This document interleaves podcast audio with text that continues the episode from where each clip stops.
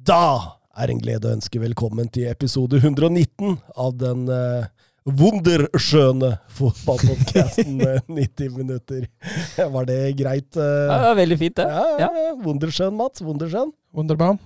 Vi sitter nok en gang i harde mottaks i studio, vi må jo nevne det. Ja, kjempesnitt at vi får være her.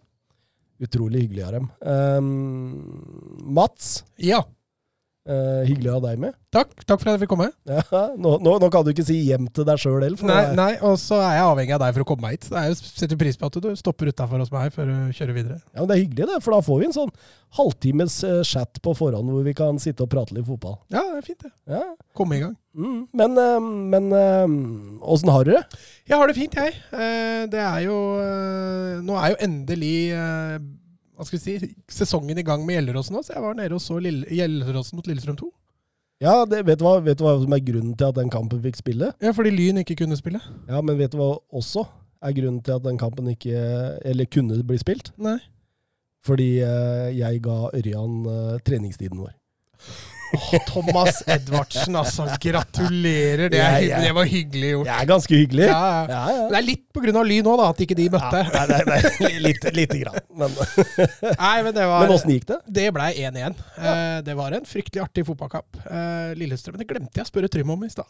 Mm. For Lillestrøm hadde en spiller jeg ikke kjente igjen. Ja, okay. Og han, eh, han lekte, lekte fotball. Men vi skal legge Vi skal eh, legge, levere nøkkelen til Trym etterpå. Ja, Kan han, du spørre. han var eh, artig å følge med på. Skal vi høre med, høre med han om han veit hvem det er. Men hva gjorde du ellers i helga?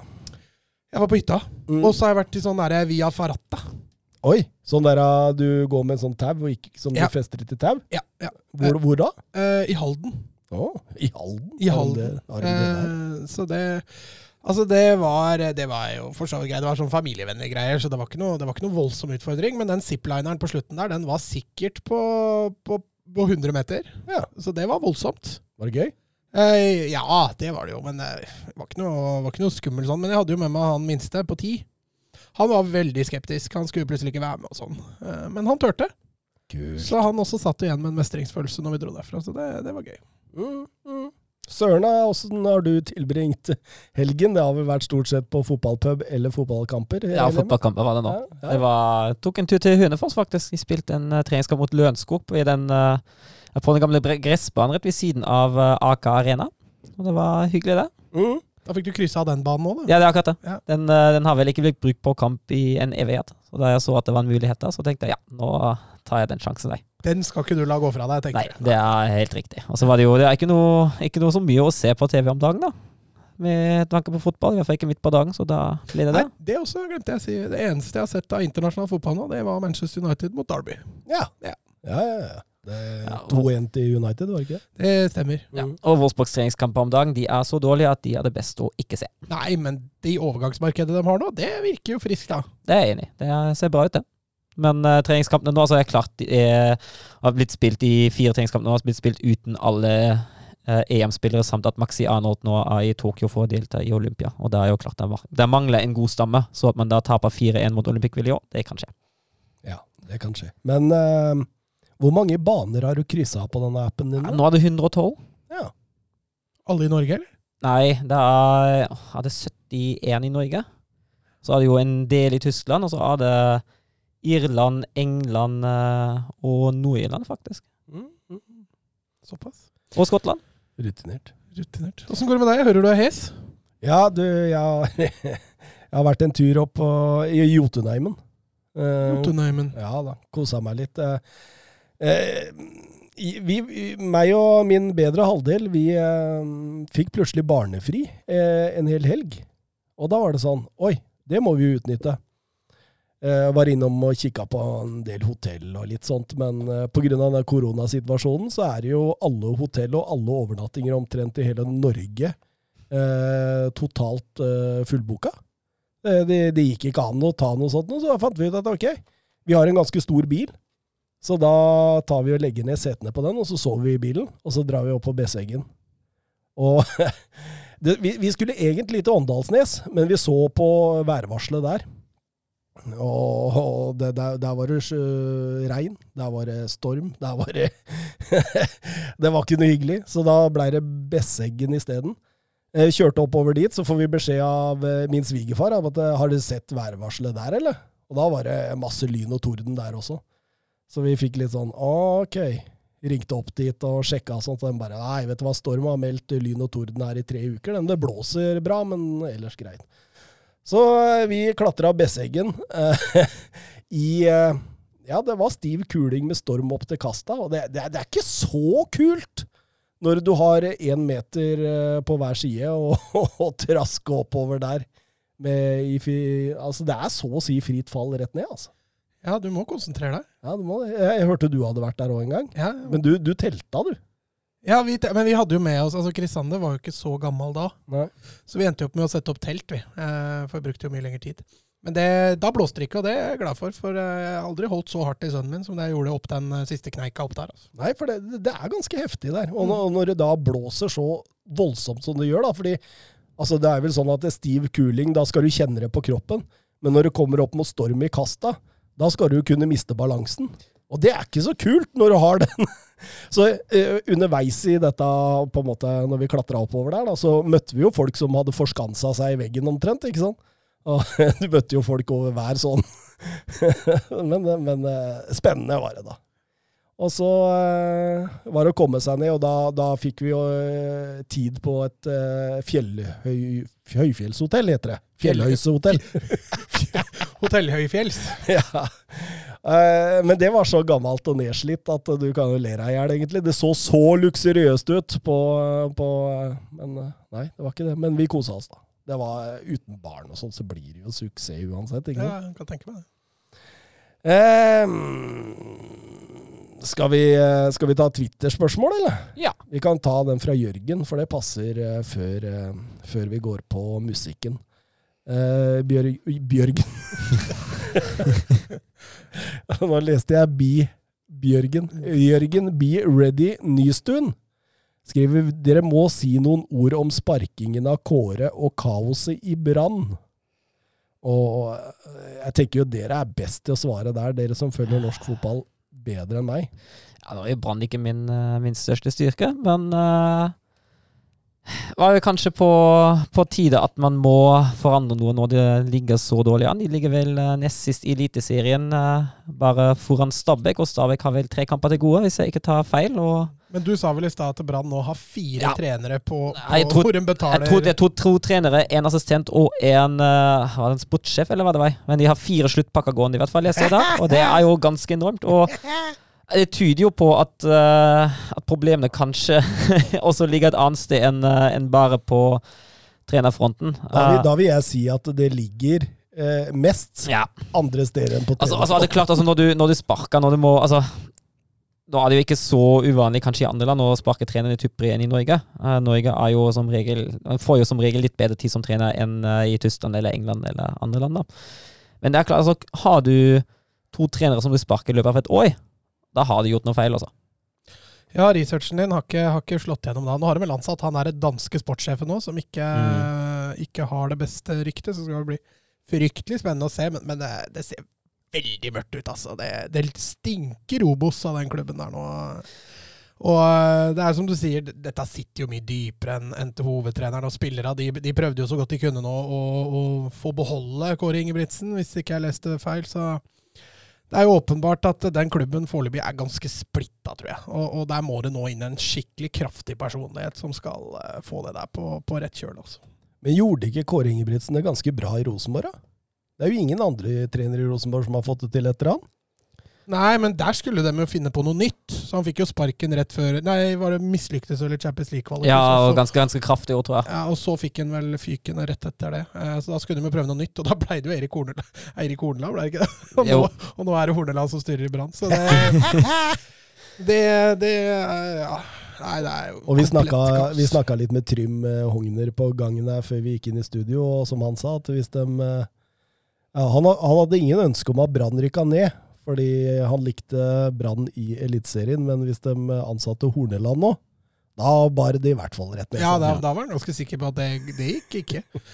Uh, men, men som sagt, altså det brannlaget der altså De har jo fått litt dårlig betalt i år, de har jo det. Men, men uh, samtidig da, så, så, så er det liksom noe med den derre stallen, kulturen det mangler den siste gutsen da, til å få de tre poengene som trengs. Så det, som jeg sa i stad, jeg tror du må ha inn en skikkelig tydelig leder nå, som ikke, som ikke nødvendigvis bare er på spillernes side, men som faktisk kan lede det laget der. Mm. Mm. Så burde de kanskje bytte hele utstyret òg, kanskje? Ja, jeg må jo, etter å ha hørt litt Så dere det intervjuet med han derre var, det- var det styremedlemmet i Brann? Han fikk et spørsmål, han klarte ikke å svare for seg, så endte det opp med at han sa nei, jeg ønsker ikke å kommentere allikevel. Så det, det viser jo litt om hvor ståa står henne i Brann. Men eh, når vi har snakka om Brann, så kan vi snakke litt Lillestrøm òg. Ja, for det er gøy. ja, det, det er jo Norges morsomste fotballag for Ja. tida. Og jeg, altså, jeg gikk jo til den, til den Molde-kampen og forventa egentlig ikke noe annet enn et klart tap. Og så spilt Altså, altså det er klart, når du ligger unna 0-1 etter 90 spilte minutter, og så spiller du 1-1, og så går du likevel hjem med en følelse av at dæven, har vi glipp av to poeng? Da er det sterkt, altså. Da er det fryktelig, fryktelig sterkt. Og den prestasjonen som, eh, som gutta presterte egentlig i hele kampen, men spesielt i andre omgang, det er noe av det beste jeg har sett av LSK så lenge jeg har bodd i Norge. Også. Ja da, Istaues. Men, men vi må ikke glemme kampen før. Den mot Vålerenga, nei, den var svak. Det, altså, her snakker vi virkelig at Lillestrøm har brukt skalaen altså, på, Ja. på måten å spille fotball på. Men jeg tenker også den er en kvalitet å ikke tape Men, kommer ut med Ja, kommer, ut med, begge kamper. kommer ut med to poeng, og det er jo faktisk litt dårlig betalt, fant vi ut. Så, ja. Jeg hadde jo tatt to poeng Altså, hvis noen hadde tilbudt meg to poeng av de to kampene på forhånd, hadde jeg takket pent ja. Definitivt. Altså, tenker jo også det er, altså, Jeg er enig i at Vålerenga-kampen ikke var bra. Det er jo en kvalitet å ikke tape på dårlige dager heller. For all del. for all del. Eh, men det er det også en dårlig kvalitet å ikke vinne på dager hvor du bør vinne. Ja, ja men altså, men det, altså, det, er, det, er det jo mot, uh, mot serielederne. Ja. Men det er åtte kamper, er ikke det nå? Uten sju? Sju? ja, åtte. Ja, Åtte, ja. Det var ikke sjuende nå mot Molde. Ja, Det, blir vel, eh, det stopper vel der. Ja, Stabæk i morgen. Stabæk i morgen, ja. Da skal jeg, skal jeg på Nadderud. Det, Da ryker det. Da ryker det. Men eh, nå sitter vi jo tross alt i studio der hvor pessimismen overfor Lillestrøm har sitter Ja, gro, grobunn her, ja. ja. Det er helt riktig. Så vi må passe på å ikke bli smitta. Vi bør det. Nei, men eh, skal vi gå over til det vi egentlig skal eh, gå over til? Eh, Kjøre en liten intro, og så er vi i gang med programmet? kjør! Messi surging forward with real menace here. Brilliant from Messi. Oh, what a goal that is! It defies description. How about sensational? How about superb? For nu Johan ute, og det blir et Det blir mål! Det blir mål! Det är det värsta jag har sett! Det är inte klokt! Han cyklar in den där! Ja da, da er det jo sånn at vi tenkte vi skulle ta noen av storlaga i, eh, i topp fem-ligaene. Og så skal vi gå gjennom litt eh, ja, hva som har skjedd der nå, hva som bør skje. Vi, ja, hvordan det ligger an eh, i rute og, diverse sånne ting. Det første laget vi skal begynne med da, er jo Paris Saint-Germain. Eh, og etter Champions League-finaletapet mot Bayern München i, i 1920-sesongen, så kan man jo trygt si at eh, det var et lite mageplask i 2021-sesongen, med en, eh, og en gedigen nedtur, da de ble nummer to bak Lill, og eh, røyk mot Manchester City i, eh, i eh, Champions League. Champions League-finalen. Eh, Thomas Hussel ble sparka. Ikke nødvendigvis pga. resultatene, men eh, litt eh, pga. hans forhold med Leonardo. Champions League-finalen? Nei, sa jeg finalen? Ja, var, det, var det ikke Chelsea? Jo, Chelsea vant. Hva er det du driver Nå, med? nå ble jeg ikke helt jernteppe. Hva- Møtte City PSG i finalen, tenkte jeg. Tenkte jeg, var ikke, var ikke det Chelsea? Nei, det var, det var i kvarten de røyk, var det ikke det? Var det ikke semien? Var det semien? Semien. Nei, det er Jeg semien. mener Følg det med. Ja, det var Jeg vel tror det var semien. Ja, det var vel det. det, var vel det. Eh, uansett, da. Eh, de sparka jo Torsel, og Torsel eh, eh, gikk jo til bedre jaktmarkeder, kan du si, hvor han fikk det til ganske bra med dette Chelsea-laget. Konflikten med Leonardo. Eh, Torsel sa jo blant annet som følge at han føler seg mer som en politiker enn som en manager, og eh, ga jo også kraftig kritikk til transfer-strategien til Leonardo. Eh, det, det toppa jo seg når han brukte Daniel Pereiro. Altså, han ba om en stopper, og fikk Dani, Danilo Pereira. Og det er Og- spiller de har henta permanent nå. Ja. Eh, men demonstrativt, da, ovenfor Leonardo, så begynte han å bruke han som en stopper, bare for å, for å sette et statement, og det, det kunne jo ikke gå. 2. januar ble Maurizio Pochettino henta til klubben. Eh, etter ett år cirka fri etter sparkingen fra Tottenham. Eh, eh, Mangla ikke på interesse for Pochettino heller, men det endte opp med Paris Saint-Germain da, da de kom på banen. Eh, virka som Pochettino venta på Manchester United-jobben. Eh, er ikke det inntrykket dere har òg? Den blei jo aldri ledig, den da. Den blei aldri ledig. Inkompetente ledere i United vet du, klarte jo aldri å fyre han derre kløna som sitter der nå. Em, og det resulterte da altså til nummer to bak Lill og semien eh, ut av semien. Vi blei enige om semien. Ja, det kan Det Jeg husker ikke, jeg. Men, men Pochettino han var rykta kraftig ut nå i sommer òg? Ja, Ikke kraftig, kanskje, nei, men, ikke kraftig. men, men litt da, i hvert fall tilbake igjen til, til White Hart Lane, holdt jeg på å si. Absolutt. Eh, tilbake til Nord-London. Eh, det, det var litt sånn der at eh, Levi var vel ute, Daniel Levy, Tottenham-styreformann, ute og snakka om at eh, han Altså, det, det største mistaken han hadde gjort, var å gi Pochettino sparken. Og at det var en, på en måte en sånn frieri til å Og, og det, det virka som Pochettino ville òg, tilbake, en periode. Mm. Men Leonardo satte foten ned og sa det var ikke snakk om. Så jeg tror kanskje uh, Det kommer til å komme for en dag likevel. Men at eh, Pochettino nå sitter og gliser i forhold til dette transfermarkedet. Ja, det må han jo gjøre. Det er voldsomme eh, Altså, vi, vi kan ta lista. Hakimi inn fra Inter Milan. Danilo Pereira fra Porto. Eh, ikke voldsomt, det, men så kommer det tre free transfers. Gigi Vinaldum, Sergio Ramos og John Luigi Donnaroma. Det er jo krutt. De har solgt Michel Bakker til Leverkosen Mm. for sju, men utover det, så foreløpig så er alle spillere der. Mm. Mbappa har bare ett år igjen av kontrakta. da. Ja, der ligger jo mye strid, da. Eh, hva er det som skjer der, og eh, det, det, det er ikke godt å si, men eh, så, Når jeg ser på dette laget, da, så tenker jeg OK, de må jo forandre til 3-4-3. Ja, de må det. Det har vi, det har vi snakka om litt før òg. Det er jo med tanke på den toppen de har nå. Jeg er helt enig. Jeg mangler jo den venstre wingbacken, da. Mm. Men det kommer du kanskje til. Ja, fordi Oskar Carveio Holm på Twitter han sier hva tenker vi om PSG hvis de får tak i Theo Hernandez også? Da tenker jeg jo at de dekker egentlig det som, uh, som jeg mener er det svakeste stedet i hele troppen. Å få en uh, ny kvalitetsspiller inn der. Og jeg syns jo venstrebekken akkurat nå framstår som svakest i hele laget. Og Theo Hernandez han har jo tross alt vært en av Europas mest offensive venstrebekker i en firer. Mm. Tenk å slippe han løs som en wingback. Da. Mm. Altså, jeg, jeg så litt på dette Paris Saint-Germain-laget, og det er, jo, det er jo kvalitet gjennom alle ledd nå. Men hvis man skulle satt opp et lag da, i en eh, 3-4-3-formasjon nå, så vil jeg tenke du hadde hatt en Donnarumma i mål, en Kipembe, Marquinhos og Ramos bak. Hakimi på høyre, eh, wingback, og så kunne det da blitt eh, Bernat eller Kursava på venstre wingback. Eh, Verratti og Vinaldum sentralt i banen, hvis man vil kjøre litt offensivt. Man har jo også andre valg der. Danilo, blant annet. Danilo blant annet. Eh, også Mbappe, Neymar og Di Maria på topp. Det der er ett av Europas beste førsteelvere, Mats. Absolutt. Det er eh, fyrverkeri. Det offensive hadde de jo der fra i fjor, da. Eh, De tre offensive tenker jeg da først og fremst på. Eh, Men det er klart, det elementet med å få inn wingbacker der, som kan dure opp og ned, samtidig da som du har den tryggheten med den treeren bak. Marquinhos og Ramos, der har du erfaring få andre klubber kan vise til. Eh, Nei, det skal bli, eh, det skal bli veldig artig å se åssen de mønstrer dette her når, eh, når ting drar seg til. Mm.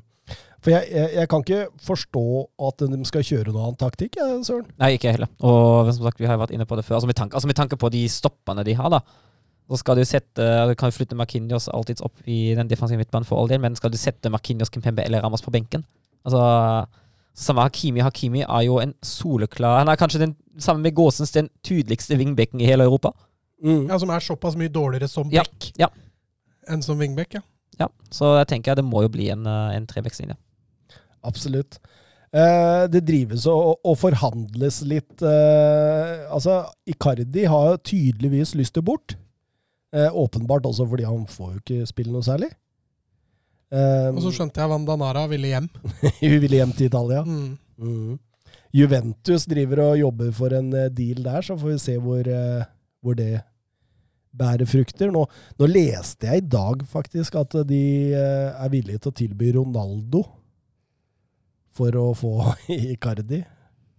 Det hadde vært ganske artig å så få kjørt inn Ronaldo inn i den elveren der også. Det blir en toller, da, for du kan ikke ta noen ut, i hvert fall. jo, Di Maria hadde rykket på benken, da. men, men eh, i forhold til dette laget eh, Ser vi noen utfordrere i League Ø i det hele tatt? Jeg, altså, jeg, jeg gjør ikke det. Det laget Altså, Nei, ikke, Det- det- ikke sesongen som kom. Nei, altså jeg tenker altså Det var jo allerede en stor sensasjon at Lill tok det framfor PSG i fjor. Og det laget var jo gode allerede. så Du kommer ikke til Champions League-semifinalen når du ikke har et bra lag som regel. da. Og med tanke på hva de har henta inn nå, og hvordan de systematisk prøver å dekke svakhetene Jeg, jeg tror det blir soleklart PSG-seriegull, altså. Ja, bare tenk på den sentrale midtbanen. da. De sitter med Paredes, eh, Danilo, Idrissa Gay, Marco Verratti, Gigi Vinaldum og Ander Herrera. Mm. Det, det er jo- altså, du, du kan til og med ta med Rafinha og Sarabia. Ja. Det er, det er voldsom uh, bredde i dette òg. Altså, de stoppera vi ikke har nevnt nå, er jo tross alt Kerer og Diallo. Ja. Det er jo ikke dårlige stoppere, det heller. Men uh, baktan på wingbacken, da? Du er nevnte jo Kursava. Og Bernat. Ja. Og på høyre blir jo Dagba, da, som er Colin Dagba. Som er, Ja, og i, I verste fall kan Kera også spille en, eh, en back-posisjon, i hvert fall en firer. da. ja, ikke en treer. Tre. Nei, det går ikke. Nei. Men Kvitter det seg med Icardi, så er det dårlige alternativer offensivt. da. Xavi Simmons, da. Han også på midten. Mm. Han skåra for PSG i treningskamp. her, så. Ja, nei, så det, det er en voldsom bredde, og jeg, jeg kan ikke se for meg at eh, det er noen Og særlig nå når Du kan jo si at Lill har blitt litt sprengt, ikke sant? Galtier dro. Eh, Luis Campos tok med seg Magnan er borte. Mm, og, og ja, og, ikke sant? Og, og, og flere. Og eh, hvem er det som Altså, Marseille satser brukbart. Jo, jo, men Gendosi, eh, Konrad de la Fuente altså det, det er ikke Ramos og det, det, det blir liksom Det går ikke an å sammenligne, egentlig. Men, men eh, altså det, Hvis Pochettino får dette her til å gli bedre enn Nordifor, for, eh, for PSG viste klare svakhetstegn i fjor eh, Hvis de retter opp det, så, så er det ingen lag som skal være i nærheten. Altså De, de bør vinne med 15-20 poeng til både Lyon, Monaco og Lille, egentlig. Mm, mm. Vi skal snakke litt renn og NIS seinere, siden vi har fått noen spørsmål angående det. Men eh, det ser voldsomt bra ut, det PSG-laget her nå. Det, men, men, men tror vi de kan ta Champions League? eh? At de kan, selvfølgelig. Om de nødvendigvis er toppfavoritter, det gjenstår å se. Men altså, som, som det framstår akkurat nå, er de blant de jeg vil si, tre største favorittene. Altså. Ja, det er et par lag i England Mm. som kan utfordre dem, eh, men Etter i Tyskland. Mm? Ett i Tyskland. Kanskje. jeg regner faktisk Bayern som hakket under. Altså. Jeg gjør det. Gjør det, altså? Jeg setter eh, heller City, Tror du ikke Nagelsmanns 3-4-3 nå kommer til å bare Jo, men Bayerns tropp er så fryktelig tynn akkurat nå. Mm. Altså, jeg tror eh, det er tre lag i England som, eh, sammen med PSG som er, er de to store De, to, de fire store favorittene. Du, du hiver bort lag som Juventus, Real Madrid og Barcelona nå? Eh, ja, Mm. det gjør jeg. Og Atletico Madrid? Det gjør jeg. Oi, oi, oi. Hiver ikke bort. Jeg kan jo nevne dem som store outsidere, hvis jeg får lov til det, men eh, ja. Eh, nei, men det var nydelig. Eh, Paris Saint-Germain, er det noe eh, mer vi skal si om dem, eller skal vi rusle videre til Juventus? Jeg har ikke noe mer. Nei. Da har vi Juventus. Eh, Søren, du har eh, Ja, og når du snakker om en skuffende sesong for PSG i fjor, så kan vi jo med ganske trygt si det samme om eh, Juventus. Det ble jo tidlig tydelig at det ikke ble noe nytt seriegull for første gang på lenge. Ja, det var, jo, det var jo så vidt eh, Champions League der en Ja. periode. Det var jo Det, det Champions League sikret på i siste runde. Juventus avslutta sesongen på fjerdeplassen med 78 poeng, like mange som Atalanta på tredje, og ett poeng mer enn eh, Napoli på plassen bak. Så Champions League, det, det var på det var på håret. Men samtidig så så du jo at, at Del Piero eh, etter hvert fikk et lite stempel på laget litt utover i sesongen. Altså de siste sånn åtte-ti kampene var jo mye, mye bedre enn det du så i starten av sesongen. Det var det, men eh, det var jo ikke nok til å redde jobben til Pirlo. Det var det ikke. Han sa Del Piero. Jeg tror han sa Del Piero? det. Jeg bare var det Piero. Men uh, Champions League, det ble tidlig exit mot Porto. Og det var jo i hvert fall skuffende. Jeg tror jo det var jo kanskje Av de gruppetoene som var, var jo kanskje en av de mest takknemlige oppgavene som Juventus fikk der. Og klarte ikke å komme seg forbi Porto. Røyk vel på ekstraomganger i kamp nummer to. Og da var det ut. Og som sagt, akkurat Champions League og en svart skuffende sesong. Og Andrea Pirlo, han fikk uh, han fikk fyken etter sesongen, og Allegri er tilbake i Juventus. Og det har vi snakka om, eh, Søren, at, eh, at eh, Juventus prøvde vel å stake ut en ny kurs. En ny gammel kurs, tenker du? Ja, Ja. det, ja men for to år siden, når de satte inn Sarri, Mm, ja, ja, så var det ja. dette med å stake ut en ny kurs. De skulle spille, bli mer spillende, de Mm. skulle presse høyere, alt det der greiene der. De prøvde gjennom Sarri, de prøvde gjennom ikke Del Piero, men Andrea Pirlo. Og så Ja, men tilbake Er det på, tilbake i er scratch? tilbake på scratch. Ja. Litt som det samme som, uh, som Real Madrid gjør nå med, med Ancelotti. også. mm. Um, ja, Allegri er tilbake, og hvis vi ser på, på overgangene så langt da er West McKennie han har blitt fast nå. Han var jo bare på lån forrige sesong, men han har kommet fast fra Schalke nå. Det var jo ikke noe overraskelse i det hele tatt. Og så har det kommet en del lånespillere tilbake til, eh, til klubben, men ikke noe nevneverdig. Og ut er jo legenden Gianluigi Buffon. Han Ja. fortsetter i Parma. Det er, det er deilig. Og han Men han kommer jo tilbake til Parma som legende òg, ja, han gjør det. Og han har jo sagt at han kan fint spille i fire-fem år til. Uh, Ja, ja. Og så er jo Cellini akkurat nå er jo Cellini ute. Han har jo Ja, fortsatt ikke er, signert. han er litt i den uh, Messi-trakten, men Tor, altså rundt, rundt byen Torino og klubben er man veldig optimistisk at han uh, fortsetter. Og jeg tror jo det, jeg òg. Jeg tror jo han blir i Torino. Men uh, nå har Real Madrid begynt å snuse bitte litt på ham, de òg. Ja, fordi han eh, godeste Florentino Perez han har jo funnet ut det at eh, vet du hva, vi har ikke penger til å kjøpe spillere for, så Ja. da må vi bruke Ja. gratismulighetene våre. Og da Ja. Men uh, vi får se. Det hadde ikke blitt overrasket om uh, Cielini hadde fortsatt i, i Juventus, i hvert fall. Han, han drar ikke til Real Madrid. Nei, det tror jeg ikke det. Og så har vi jo noen, uh, noen rykter. og altså Det som er jo kanskje det store spørsmålet du har vært inne i det der, Thomas, er jo hva, hva skjer med Cristiano Ronaldo? Mm. Uh, det har vært det har blitt skrevet ekstremt mye, både i den ene og den andre retningen. Det nyeste jeg nå leste, i tillegg til eh, det du fortalte om Icardi, det var at nå har Jorge Mendes angivelig sagt at han ønsker at eh, Ronaldo blir lengre i, eh, i Juventus. ja. Han tar det motsatt Mino Raiola. Altså. Ja, han gjør det. Han sa at uh, han, uh, Han han har bare ett år igjen av Ja, men han, ønsker, han ønsket at Ronaldo skulle bli utover det ene året òg, ut ifra det jeg har lest. Veit jo ikke hvor, hvor sant det er, men eh, som sagt, det skrives jo mye i, uh, i begge retninger. Det er klart at Ronaldo, uh, om ha Om Juventus hadde klart å kvitte seg med ham, da uh, Det hadde frigjort en god del budsjett, for han er jo ikke akkurat billig i, uh, i lønnskostnadene sine. Samtidig går jo en del kvalitet ut dørene, i så fall. Ja, fordi Allegri han har jo en stor favoritt som heter Dybala. Ja. Og kontrakta hans går ut i 2022. Yep. Og den vil koste litt penger å, å eh, forlenge. Og der har jeg lest at uh, Allegri egentlig har lyst til å frigjøre mm. Ronaldo for å kunne forlenge med Dybala. Ja, Og det kan godt stemme. Juventus, altså det har jo vært noen planer i Juventus allerede fra etter Champions League-exiten mot Porto, uh, at uh, man henter egentlig Ronaldo for å lykkes i Champions League. Og det har klubben ikke klart. Det eneste som, som de har klart med Ronaldo, er to serier og én cupgull, er det vel? Og det Mm. mener jeg klubben der har man ikke fått godt, godt nok betalt, og derfor tenker man at uh, nå er det egentlig på tide å frigjøre de midlene og bruke de litt annerledes. Det er vel noen tanker som, som er rundt i klubben, som nå blir forsterket av uh, Allegris preferanser. Ja, så tenker jeg, altså Allegri vil jo sitte der, da. Og, og tenke at det nå er et halvt år til andre klubber kan begynne å forhandle med Mm. Dybala. Mm.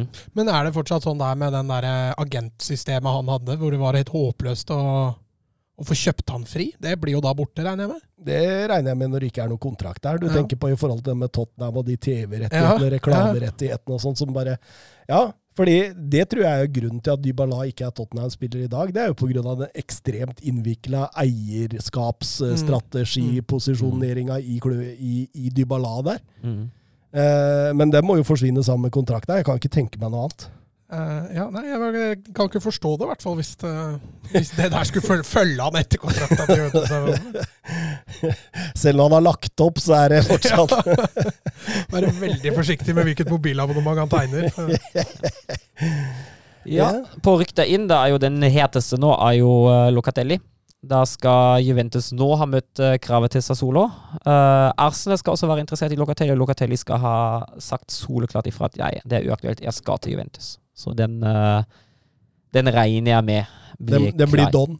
Det, det tror jeg. Ja. Det tror jeg. Ut ifra som jeg har forstått det nå, at nå har klubbene åpenbart også blitt enige. De, eh, noen da, for noen dager siden lå de 10 millioner fra hverandre, ville Sassolo ha 40, og Juventus ville tilby 30 millioner euro. Det er litt merkelig den der, hvordan, hvordan eh, de mindre klubbene vil selge til de største klubbene i landet. Ja, det, det har jeg tenkt på. Og for det hadde det samme han Lyon-direktøren, Mm. som ville selge sine største talenter til PSG. Ja, Nei, Jeg skjønner ikke det der. Ja, Altså, det, og, og det med, også med RB Leipzig Ja. og Bayern München også, så Ja, men- har du en liten sånn Ja, men det- hadde de ikke noe valg, det var din det innkjøpsklausul. Men Leipzig ville vel ikke selge Nei, helst, de ville helst, helst ikke til Bayern, Altså, egentlig. Sassolo-direktøren har jo uttalt at nei, vi, vi, lar, vi lar Juventus få en mulighet her, Mm. istedenfor å selge den ut av landet for å ikke gi den til en konkurrent. Mm. Og samme med Lyon-direktøren, som sier at eh, nei, altså, vi, vi håper jo PSG kjøper den, liksom. mm. Mm. Jeg husker, jeg husker, jeg husker, var det Rajan Cherki de snakka om? Jeg husker ikke hvem spiller det det var snakk om, men det var et av de talenta Var det, var det Awar, kanskje? Jeg husker ikke. Men det er et sånt fenomen du finner i Europa. Du kunne aldri tenkt deg å ha solgt, uh, solgt Kane til City, eller Nei, vi må beholde den i landet. Mm. Nei, altså fordi det er vel en av de tinga Daniel Levi, i hvert fall fra min klubb, da, er mest opptatt av. Det er at eh, hvis man må selge, så selger man ut av landet. Mm. Ja, og det er fornuftig. Mm. i stedet for å styrke, som Mats sier, konkurrentene sine. Juventus prøver også å selge det. De prøver for å kvitte seg med Aaron Ramsey. Det er vanskelig. Finner ikke noe interessenter som det ser ut nå. Eh, Det er noen løse rykter som du har vært inne på rundt Dybala. Det er noen løse rykter rundt eh, Demiral, men det er ikke noe, ikke noe fast. Jeg så Eh, Ramsey var i en swap med Pjanic. Det hadde vært ultimate, ultimate her. Altså. Å, herregud. Altså, på, på ryktesiden inn, uh, utenom Locatelli og Icardi, Uh, fant en løs interesse rundt uh, Benzebaini, uh, venstrebekken til eh, Borussia Mönchenglattbach. Fant også løs interesse, løse rykter, uten at det er noe konkret rundt uh, Tolisso i Bayern München og Robin Gåsens. Jeg kan forstå de, eh, de ryktene rundt en eh, rundt en venstreback. for jeg, jeg ser at det kan være behov uh, for, en, uh, for en venstreback til. Uh, nå har jo Cuadrado gjort det veldig bra. På venstre har du uh, Cuadrado på høyre, da, men på venstre har du Sandro Pellegrini og Fabotta. Det er ikke akkurat sånn europeisk toppklasse over det hele der. Nei, Frabotta var jo bare en spiller mm. Skulle hatt inn en Spinazzola, dem. Mm. Ja, han ute et halvt år. Og, Ja, og Mourinho driver og jobber for å få ny venstreback, Ja. så- Mm. stemmer.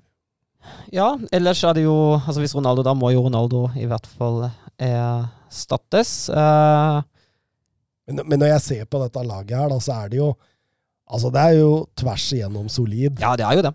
Og det, altså, hvis de hadde fått inn en Locatelli og en Icardi inn her, Ja. så er det jo Ja, og, og en venstrebekk. Jeg er enig i det. Altså. ja, Ja, og, og, altså, og så tenker jeg keeperplassen. Den er svak.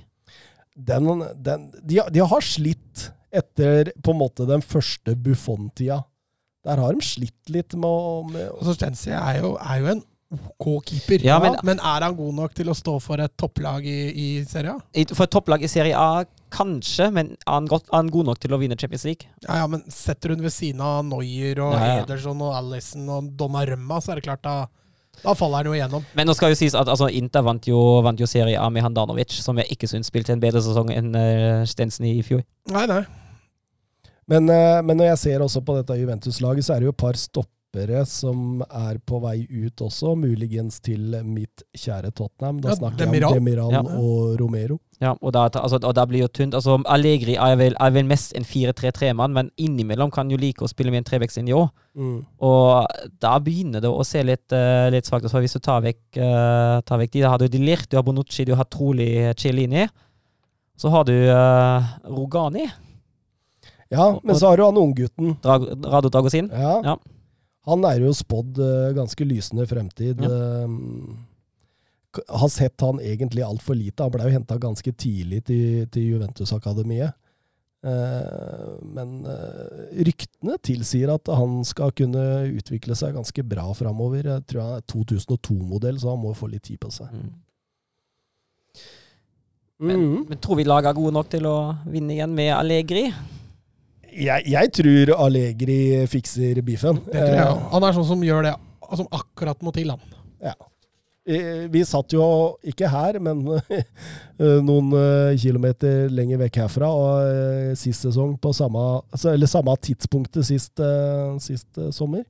Og var ganske klare på at Juventus kommer til å miste hegemoniet sitt eh, til Inter Mm. da.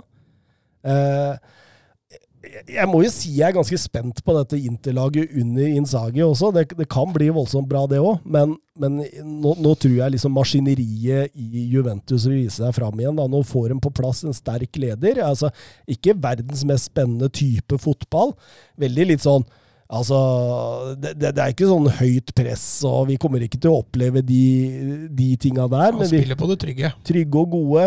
Veldig ofte 4-4-2, veldig ofte sånn eh, Veldig balansert, små eh, avstander imellom, og, og veldig ofte 1-0 og 2-1-seiere. Og så er det jo, må jo sies også at det er en del, eh, en del mer bråk i Inter nå enn det var i fjor. Ja. Og det kan forstyrre det òg. Ja, absolutt. Og det, det er litt artig det at det er min, mer bråk etter at Conte dro. Kanskje det var han som holdt alle tøylene der. Det kan godt hende. Skal vi, Er du ferdig med Juventus? Ja, jeg føler egentlig jeg er det. Ja, Skal vi over til AC Milan da, Mats? Ja, vi kan prate litt uh, Jens Petter Hauge Milan. Jeg jeg Nisselue. Jeg på, nisselue på. Tok den med nordmann, for da blir det størst interesse med en gang. Jeg finner ut at vi kaller det 'Hvordan kan Jens Petter Hauge ødelegge for Ole Gunnar Solskjær?' Skal den her hete. Så, er vi, så, har, vi, så har vi overskriften. Eh, Milan dem ble jo nummer to i fjor, som vi husker. De ble jo tippet eh, Jeg husker vi tippa dem på Champions League i fjor. Ja. Jeg tror jeg hadde dem på tredje.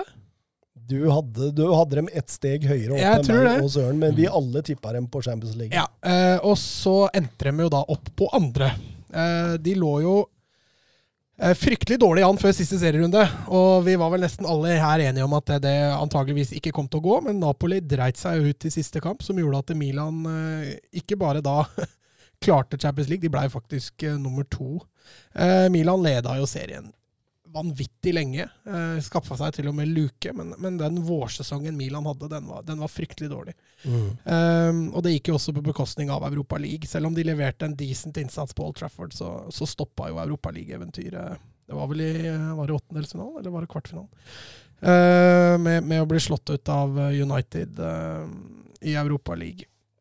Uh, når det gjelder uh, Når det gjelder uh, troppen til, uh, til AC Milan, så har jo ingen tvil om at de har, uh, har noen høler å tette. og De har allerede begynt. Som du har nevnt, så har jo Donnarumma forsvunnet til PSG. Han mista to ganske kjipe på, på free transfer der. Ja, altså begynne med, begynne med Donnarumma, da. Um, altså Hakan Sjolonoglo, som du tenker sikkert på. Um, men Donnarumma der har jo blitt erstatta, da. Vi kan ta alle ut først, da. Eh, som du nevnte, Shalanoglo gratis til Inter, Donnarumma gratis til eh, PSG. Og som du sier, det er jo Én ting er jo hva de taper, men dette er jo spillere som er verdt veldig mye penger, som de da ikke får. I tillegg så har, jo da, har de solgt eh, Laksalt. Mm. Eh, kanskje ikke det store tapet. Og, og, Dy- Dynamo Moskva. og Mario Manzukic er, er, er også vekk av, av ting som er verdt å nevne. Eh, ellers så har de jo fått tilbake da en del lånespillere. Det er jo veldig flittig det der eh, i, i Italia, hvordan de låner spillere i hut, og pine. Eh, Conti er jo tilbake igjen, kan kanskje være aktuell for en, eh, for en backplass. Uh, ellers så fikk de jo leid Brahim Diaz to år fra, Ja. fra Real Madrid, så han blir jo da værende. Ellers kan vi jo nevne at Sandro Tonali den er nå kjøpt. Den er kjøpt. han var jo bare leid inn i fjor. Eh, Mhm. nå er han kjøpt inn. Eh, Tomori det samme. Kjøpt. Han eh, var leid inn i fjor, nå er han kjøpt. Og så kan vi også nevne Fodé Touré, som kom fra, fra, fra Monaco. Han er vel tiltenkt som en backup til Theo Hernandez. Eh, Men som vi skal komme tilbake til, så, så er det ikke sikkert han blir en backup allikevel. Nei, du tenker på hvis eh, Paris Saint-Germain slår ja, hvis Theo, Theo Hernandez uh, forsvinner, så, Mm. så blir jo den kjip. Eller så har de jo også da selvfølgelig fått inn uh, Olivier Giroud. Han Ja. blir vel en slags erstatter for uh, Siman Sukic? Ja, ja jo, fordi han, han forsvant jo, så da, da, da, da kan man eh, se Giroud og Zlatan sammen på topp. Det blir mye, mye muskler. Ja da, eh, men, men eh, hvis vi tar litt Stefano Pioli, da. Han liker jo gjerne 4-2-3-1-formasjonen. Mm. Og da er det høyst tvilsomt at vi får Zlatan og Giroud på banen samtidig, med mindre Milan jager et mål eller, eller lignende. Det vi dog kan snakke litt om, er, er det vanvittige offensive arsenalet de har nå.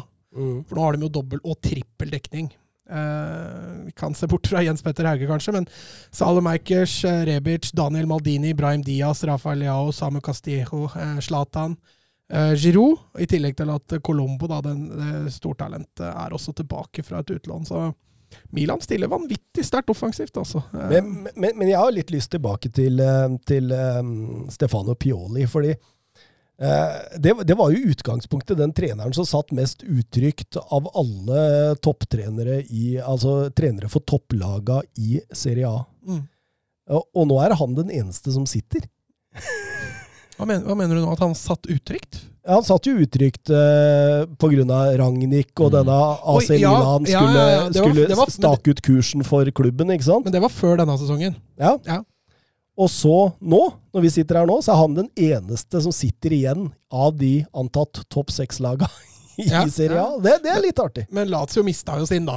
Ha, Innsagi hadde nok fått lov å fortsette hvis ikke Inter ville ha han. Um, men det er jo også da, som du sier, da, altså Milan kommende sesong det Tror du ikke Conte hadde fått fortsette hvis han ville? jo, det tror jeg. Ja, men han, kan, tror du ikke han ville? Uh, ja, han fikk ikke i forhold til uh, Altså, han fikk ikke vilja si. nei, nei. Men hvis han hadde fått vilja si Hadde de sagt at vi kjører klubben konkurs for at du skal få vinne et nytt tittel, så hadde han sannsynligvis fortsatt. ja. Eh, Når det gjelder å sette gjennom stallen til, til Milan, så er det jo offensivt, så har de jo masse krutt å gå på. Eh, midtbanen også ser jo for så vidt bra ut. Altså Kessie i fjor var jo strålende. Eh, fortsetter å bygge ting rundt han. Benazer er jo også en fryktelig spennende, spennende spiller. Også Sandro Tonali, da, som vi nevnte, eh, som kommer Men blir det treeren på midten, tror du? Nei, altså, de, de kan vel hende leiter etter en tier. En klarere tier. Og det er litt det jeg skulle fram til, at eh, når det gjelder spillere inn, så er det vel kanskje først og fremst to posisjoner, da, gitt at Theo Hernandez ikke blir solgt. Mm. Og det er kanskje å få inn en stopper til. Eh, nå har de jo riktignok henta Tomori, men, men altså Simon Kjær og Magnoli det var jo et klassestopperpar. Og så er det det litt bredden bak. Eller så er det jo da den tieren å erstatte Hakan Shalanoglu, som blir, eh, kanskje blir Milans eh, lille bane. I forhold til å kunne konkurrere om, om topp fire. For Mike Magnan han tok jo over rollen til Donnarumma. Hvor, hvor mye dårligere er han enn Donnarumma? Jeg tror ikke det, tror ikke det er mye forskjell. Altså, altså er kanskje, kanskje er det noen poeng som Donnarumma med sin ekstraordinære klasse redda, men jeg anser Mainia for å være en, eh, for å være en fantastisk keeper. Eh, og han er jo fortsatt ung til å være en, eh, til å være en målmann nå, så det er- ligger jo mye potensial der. Så her mener jeg at Milan har erstattet Donnarumma egentlig nesten på best mulig måte. Altså. Ja, altså det var jo bare ett år. Uh, Ja, Fikk den for 13 millioner euro. Ja, det var- det er en overragende deal. Altså. Ja, altså Hvis vi går og toucher litt innom ryktefronten nå, da, på, på Milan, så er jo det ryktet som går mest, det er jo Jens Petter Hauge. Til Eintracht Frankfurt. Det er vel det du, du leser mest. Eh, Det virker som det faktisk ikke er så langt unna heller. Nei, Det tror jeg ikke heller. Så det kan jo hende vi ikke får noe Jens Petter Milan uh, framover, men, men uh, ja, det er kanskje like greit. Jeg tror ikke han hadde fått spille veldig mye i Milan uh, kommende sesong. Det som da rykta inn, da, som er litt mer spennende, og det som kanskje vi har, som jeg nevnte litt, det er jo den tierrollen, og der er jo Hakim Ziyech uh, rykta ganske kraftig. fra Chelsea til, til Milan. Eh, er vel kanskje mer en utprega kantspiller, Mm. men, men uh, henter de han, så vil jeg tippe at han skal inn i den tier-rollen, eh, bak eventuelt Zlatan eller eller Giroud. Eller så er vel kanskje det ryktet også som, som er allikevel litt spektakulært, det er jo Mohammed Dar Darami Mm. fra, fra FCK, som jeg hadde vel i Ukas Talent for x antall, Oi, oi, oi, oi, oi. x antall uker siden. Så Men jeg hører mye Coutinho òg. ja, jeg har fada litt. Mm. Det er derfor jeg ikke tok den med nå. Men, men Coutinho også har vært for Barca, halverte jo prisen. Mm. Men, men det- blei ikke noe Men jeg tror også han kunne passa veldig fint i det Milan-laget. Problemet er Coutinho i tierrollen. Det har jo ikke fungert. Verken i Bayern eller i Barca. Nei, det er sant. Han må ut venstre. Mm. Så jeg veit ikke hvor mye Milan hadde fungert med det, men uh, Ziyech hadde jo vært eh, fryktelig spennende å se. Han hadde jo gått til Premier Leagues kirkegård, er ikke det vi er enige om å kalle Ja. serien? Eh, han hadde vel sikkert gjort det strålende. Eh, så får vi se. Jeg tror i hvert fall eh, Milan Men jeg, jeg er litt skeptisk på den midtbanen nå. Altså, hvis, det, hvis det skal være Tonali, Kessi og Benazer Ja, Så- den, altså, den bør ha inn en tier, Ja. det er jeg helt enig med deg i, men, men som de to sittende, mm. så har de en bra trio. Ja. I Tonali, Benazer og Kessi. Men en, men en tier, det er jeg helt enig med deg. Der, eh, der må de forbedre seg. Jeg veit ikke om Brahim Diaz kanskje er tiltenkt å spille i den tierrollen, eller, Mm. eller hvordan de lander til slutt. Hvis man, eh, hvis man skal se på en, på en mulig elver uh, til slutt der, så er det nok akkurat nå, så veit jeg litt usikker på Tomori, om han går rett inn. Men både Kjære og Romagnoli er jo, er jo kanskje å foretrekke sånn sett. Uh, Hernandez er jo soleklar på høyrebekken. Calabria tror jeg fortsetter på høyre, selv om han har vist seg å være en skikkelig potet i fjor. Spilte jo Mm. også på midtbanen med hell. Uh, Benazer og Kessi tror jeg nok er førstevalget på midten. Uh, akkurat nå så tror jeg Diaz går inn som tier. Kantene der er jo mye mer åpent, men, men kanskje Salomakers og eh, og, eh, og eh, Rebic eller Rafael Leao. Og så Zlatan på topp. Tror jeg nok blir akkurat nå foretrukket. Og Magnan i mål, selvfølgelig. Men hvor god er den av Salemakers? Jeg, jeg har liksom aldri helt fått helt taket på den, altså. Noen kamper så syns jeg han har vært helt fantastisk. Altså Andre kamper som han forsvinner så voldelig. Han er ung, da. Han er Ja, ung. ja, det er akkurat det. Unge spillere må gjerne jobbe litt med stabiliteten. Han vil- også kan fungere, tror jeg, som en wingback. Mm. Jeg vil eh, 99-modell. Eh, 23, da. belgisk, så han var ikke Mm. med i troppen. Hørte du hvor fort jeg regna ut det? Ja, det, det er imponerende, Ja, altså. det går. Jeg har trent. skjønner du. Men sa du 23? Er det? Ja, jeg har 22, da. Ja, men 99? 21? Er 22. Nei. 2001. Ja, 22. Ja. Så prøvde jeg å være snill med den her nå og si at Nei, men Prøv, eh, prøvde du å være snill? Nei, jeg gadd ikke å regne på det faktisk sjøl. Jeg bare stolte på at du klarte det, og så bomma du igjen, så det er bare å gi opp. Men eh, nei, det er bra, det. Eh, Milan, hva tenker vi av? Tror vi at de får eh, topp fire? Jeg tror mye avhenger av eh, i hvilken grad de klarer å tette de hullene som Mats var inne på nå. Eh, Hva skjer med Hernandez er jo en viktig faktor. Han har vært viktig for eh, Milan de siste to sesongene. Eh, I hvilken grad klarer de å få inn eh, en kreativ kraft sentralt i banen? Eh, hvis de klarer å å ha en, altså, La oss si en tropp som har tilsvarende kvalitet som i fjor, da. Eh, hvis vi klarer å erstatte Chalanolo og hvis det blir nødvendig uh, Theo nannes på noenlunde greit, da tror jeg en ny topp fire-plassering er realistisk, men det kan bli en hard kamp. Altså Akkurat nå rangerer jeg Juventus og Inter foran, og Det så er det veldig jevnt. uh, med Milan, Lazio, Napoli uh, Atalanta. Atalanta, ja. Roma. Ah, vil se Mourinho! Nei, vi får se med Roma. For, det der er et skikkelig spørsmål. Jeg burde egentlig tatt Roma. Ja, det, det blir morsomt, altså. Ja, det blir artig. Gleder meg til å følge Roma. Men, men jeg tror vi kanskje ser Stefano Piolis fall denne sesongen. Altså, altså det, er, det har jo vært litt sånn med Pioli at han har starta bra i klubben han har, eh, har eh, vært i, og så, og så faller det litt utover. Så Sånn er det jo med veldig mange managere. Ja, ja, absolutt. Men, men i Milan så har han jo på en måte altså, Det er jo bare i eh, Så vidt jeg ser her, Modena Han har hatt større eh, gjennomsnittlig poeng per kamp enn han har hatt i Milan. Ellers så sitter han med 1,43 i Fiorentina, med 1,67 i Inter, med 1,67 i Lazio. med 1,28 i Bologna og 1 i eh, Palermo. Eh, så det Det er altså det, Ja, jeg tror det òg. Det det er et tidsspørsmål før det der blir bare verre og verre.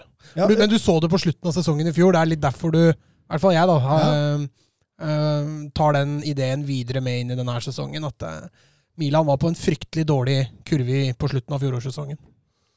Absolutt. Eh, og jeg, vi, vi var jo veldig på det at de skulle hoppa litt på Ragnhild.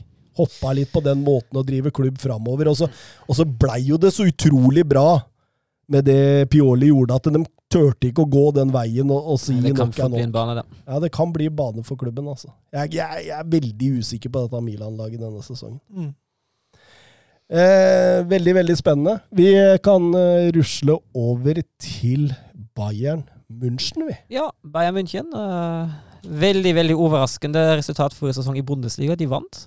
ja, du, du ble overraska? Det var skikkelig overraskende. Not at all.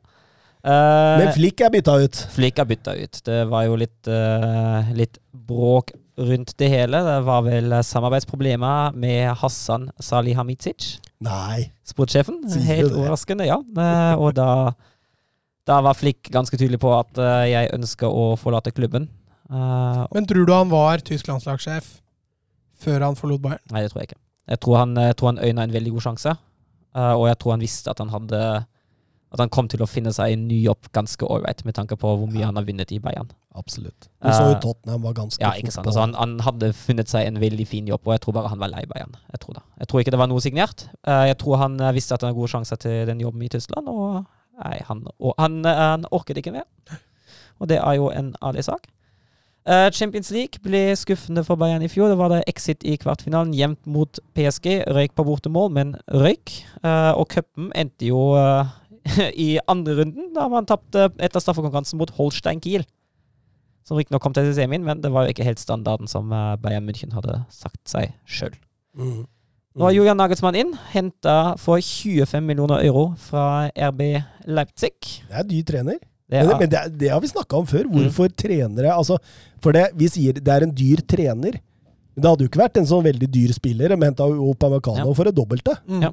Men, men det, det er veldig rart at disse topptrenere er så mye billigere enn en spiller i et ledd. Fordi Ut ifra hva de egentlig betyr, da. det, det betyr Altså, det er jeg helt enig. Det er, jeg tror egentlig det, Vi kommer bare til å se mer og mer at trenere også kommer til å koste en god del overgangspenger. Mm. Jeg At det, det er framtida. Ja. Fordi det, altså det, er den, det er den viktigste ansatte du har rundt et fotballag.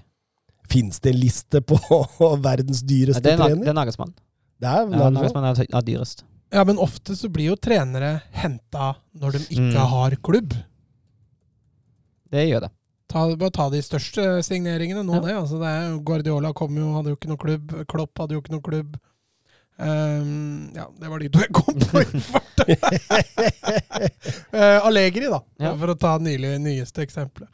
Det kan jo ta Nuno Spirito Santo. Ja, Galtier. Ja.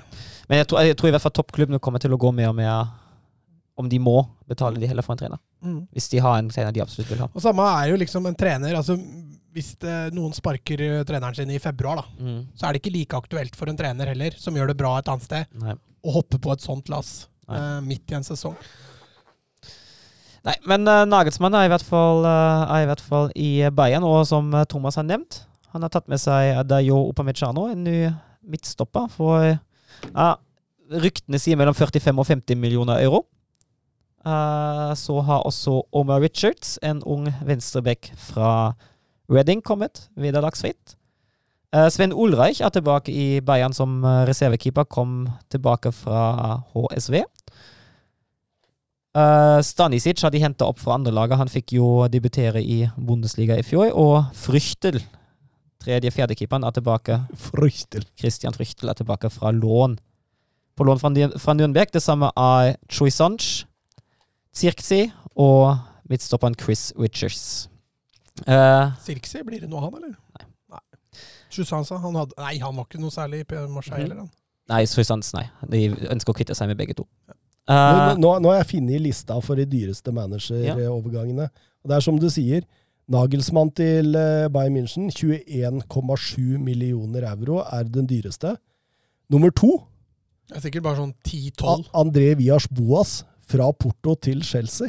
for 13. Ja. Og så nummer tre, Brendan Rogers fra Celtic til eh, Leicester, 9,1. Og så Ruben Amorim fra Braga til Sporting Lisboa for 8,6. Eh, og så på femteplass da Mourinho, når han gikk fra Inter til Real Madrid for 7 millioner euro. Så det er jo det er, det er jo ikke mye penger vi snakker om når, når vi snakker trenere. Det høres ut som overgangsrekordene på 90-tallet på spillere. det. Ja, det gjør Ja, Artig, artig greie. Eh, Ruben Amorim inn der, det syns jeg var gøy, da. Ja, det er morsomt. Spennende å se hvordan det utvikler seg i framtida, da. Ja. Uh, uansett, ut fra Bayern München. Det er, den største er jo David Alaba. At han, uh, han forlot jo Bayern nå etter at kontrakten utløp, og har sluttet seg til Real Madrid. Javi Martinez han er ferdig. Han er til, går til Qatar SC. Uh, Alexander Nubel, den tidligere reservekeeperen, han er på lån nå i, uh, i Monaco. Det kunne vi sagt i fjor. Ja. Nei, vent da, det sa vi i fjor. Vi ja. uh, ellers er det noen uh, unggutter, meg, Fein og, Dan og Danta, som er ute. Og Jerome Boateng er også ferdig i klubben. Har ikke funnet en ny klubb, men kontrakten har, ut, har gått ut, og han har ikke fått forlengelse. Så, så det er ikke en ny sånn uh, Messi-Cellini Nei, han kommer ikke til å fortsette i Bayern.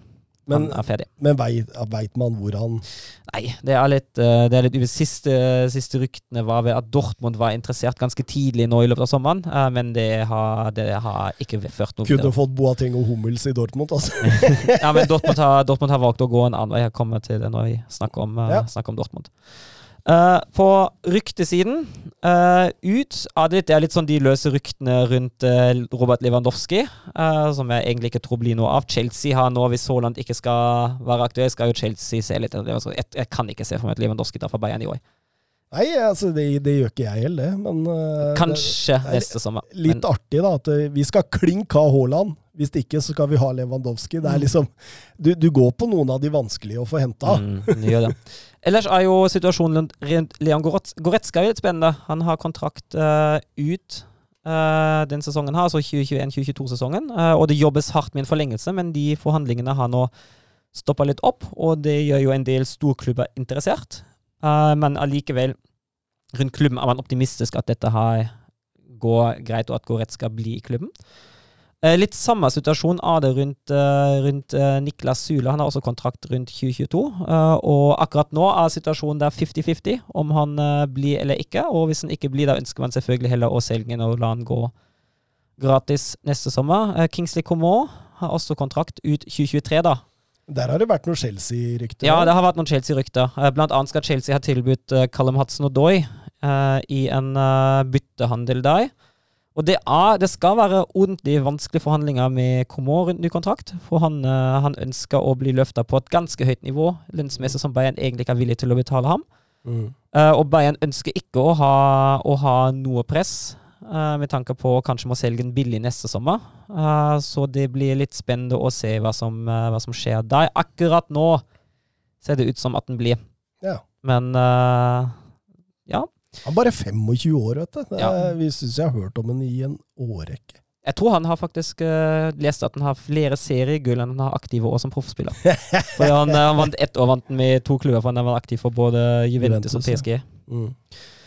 Uh, og så er, det jo, altså er det jo de spillerne som man gjerne vil kvitte seg med fra Bayern side. Zirkzi, som uh, har falt tvers gjennom i Parma. Han sliter skikkelig med innstilling. Han tror ingen i Bayern på lenger.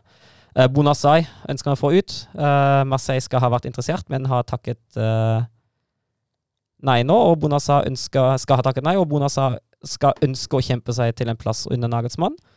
Troysanch vil man kvitte seg med, og Galatasaray skal være nærmeste spor, men de har ikke kommet med tilbud. Uh, Tolisso skal ha vekket interesse fra både Juventus og Westham, uh, men han har også kontrakt ut 2022, han sier nei, jeg går heller gratis neste sommer. Ja, det er fint, det. Det er flere og flere spillere Ja. som driver og spekulerer i det der. Ja. Men han derre høyrebekken Sarra, Ja. han skal de satse på, eller? nei, det tror jeg ikke. Altså, jeg, jeg, jeg mener Altså, der er vel plassen Bayern. Ja, er helt enig. Den høyrebekkplassen, den er katastrofe. Jeg Men, har, men, men jeg leste noe om at Nagelsmann skulle løse det der, der høyrebekkproblemet med å spille 3-4-3. Ja, da går det, jo, det går jo an, men da tenker jeg også, da, Jeg har vært inne på altså, for det før, da, at da mener jeg at kantene er også for tynne. Mm. Um, Hvem er det du skal ha på høyre vingbekk da? Ja, det er jo Kimmich. Ja, det, altså, men da, da mangler du jo en sentralt, da. Ja, det er jo eventuelt den Kimmich som kan du jo ha på høyrebekken i 4-3. Ja, du kan det òg. Men, Ja, altså, ja, hvis, ja, men hvis, du ser på, hvis du ser på sentrallinja da, du har jo, du har jo Kimmich og Goretzka som er jo ganske safe. Så har du Tolisso, Kuisanch, altså som litt mer offensiv, Mosiala og Mulla. Musiala Musiala må jo få Ja, Musiala må jo- han kan jo- han- Han kan jo brukes på, på kant, òg. han glemte jo sist vi snakket, Mm. snakket Bayern. Uh, for all del. Han kan jo brukes som venstrekant og kan brukes sentralt i banen. Så det Og det er en spiller nå. Han er, han er 18 år. Han, han må jo begynne å få uh, tilrekkelig med tid. Han kan ikke bare få de der ah, Nå møter vi Doisborg hjemme, nå Nei, møter han, vi altså, nå har han spilt EM òg, altså, han har jo Ja, vært ja. med i den EM-troppen, så jeg tenker jo at han har jo, han har jo en status som fullverdig spiller. Um, Bayerns strategi så langt nå, det er at flere nye spillere kommer kun etter salg. Uh, man ser da etter en høyrebekk, uh, som Mats har vært inne på, som jeg er helt enig i. Jeg syns ikke Pavard er et godt valg heller. Han var dårlig i EM òg. Jeg syns også Pavard hadde et dårlig sesong i fjor, sammen med seg, og det var jo ikke Altså, når Sule blir brukt som høyreback i perioder, da sier det egentlig det meste. Ja, men, men Pavard var jo OK når Bayern hadde initiativet i matchen hele veien, Ja. da han fikk bare involveres offensivt. Det ble jo trøbbel med en gang han måtte yep. trå til defensivt. Var god i EM, da. Pavard? Pavar? Nei, du tenkte på Monier igjen. Ja. ja Monier var bra igjen, det er enig. Du er på Dortmund, du hoppa over på Dortmund? Eh, så tenker man Tenkte jeg, nå Nå er han varm, tenkte jeg. Så tenker, tenker Bayern kanskje på en uh, ny dyptliggende midtbanespiller. Det kan jo være en god idé òg. Da er det jo litt tynt. Ja, Eh, Hvis Kimmich også da blir bytta ned på Ja. da.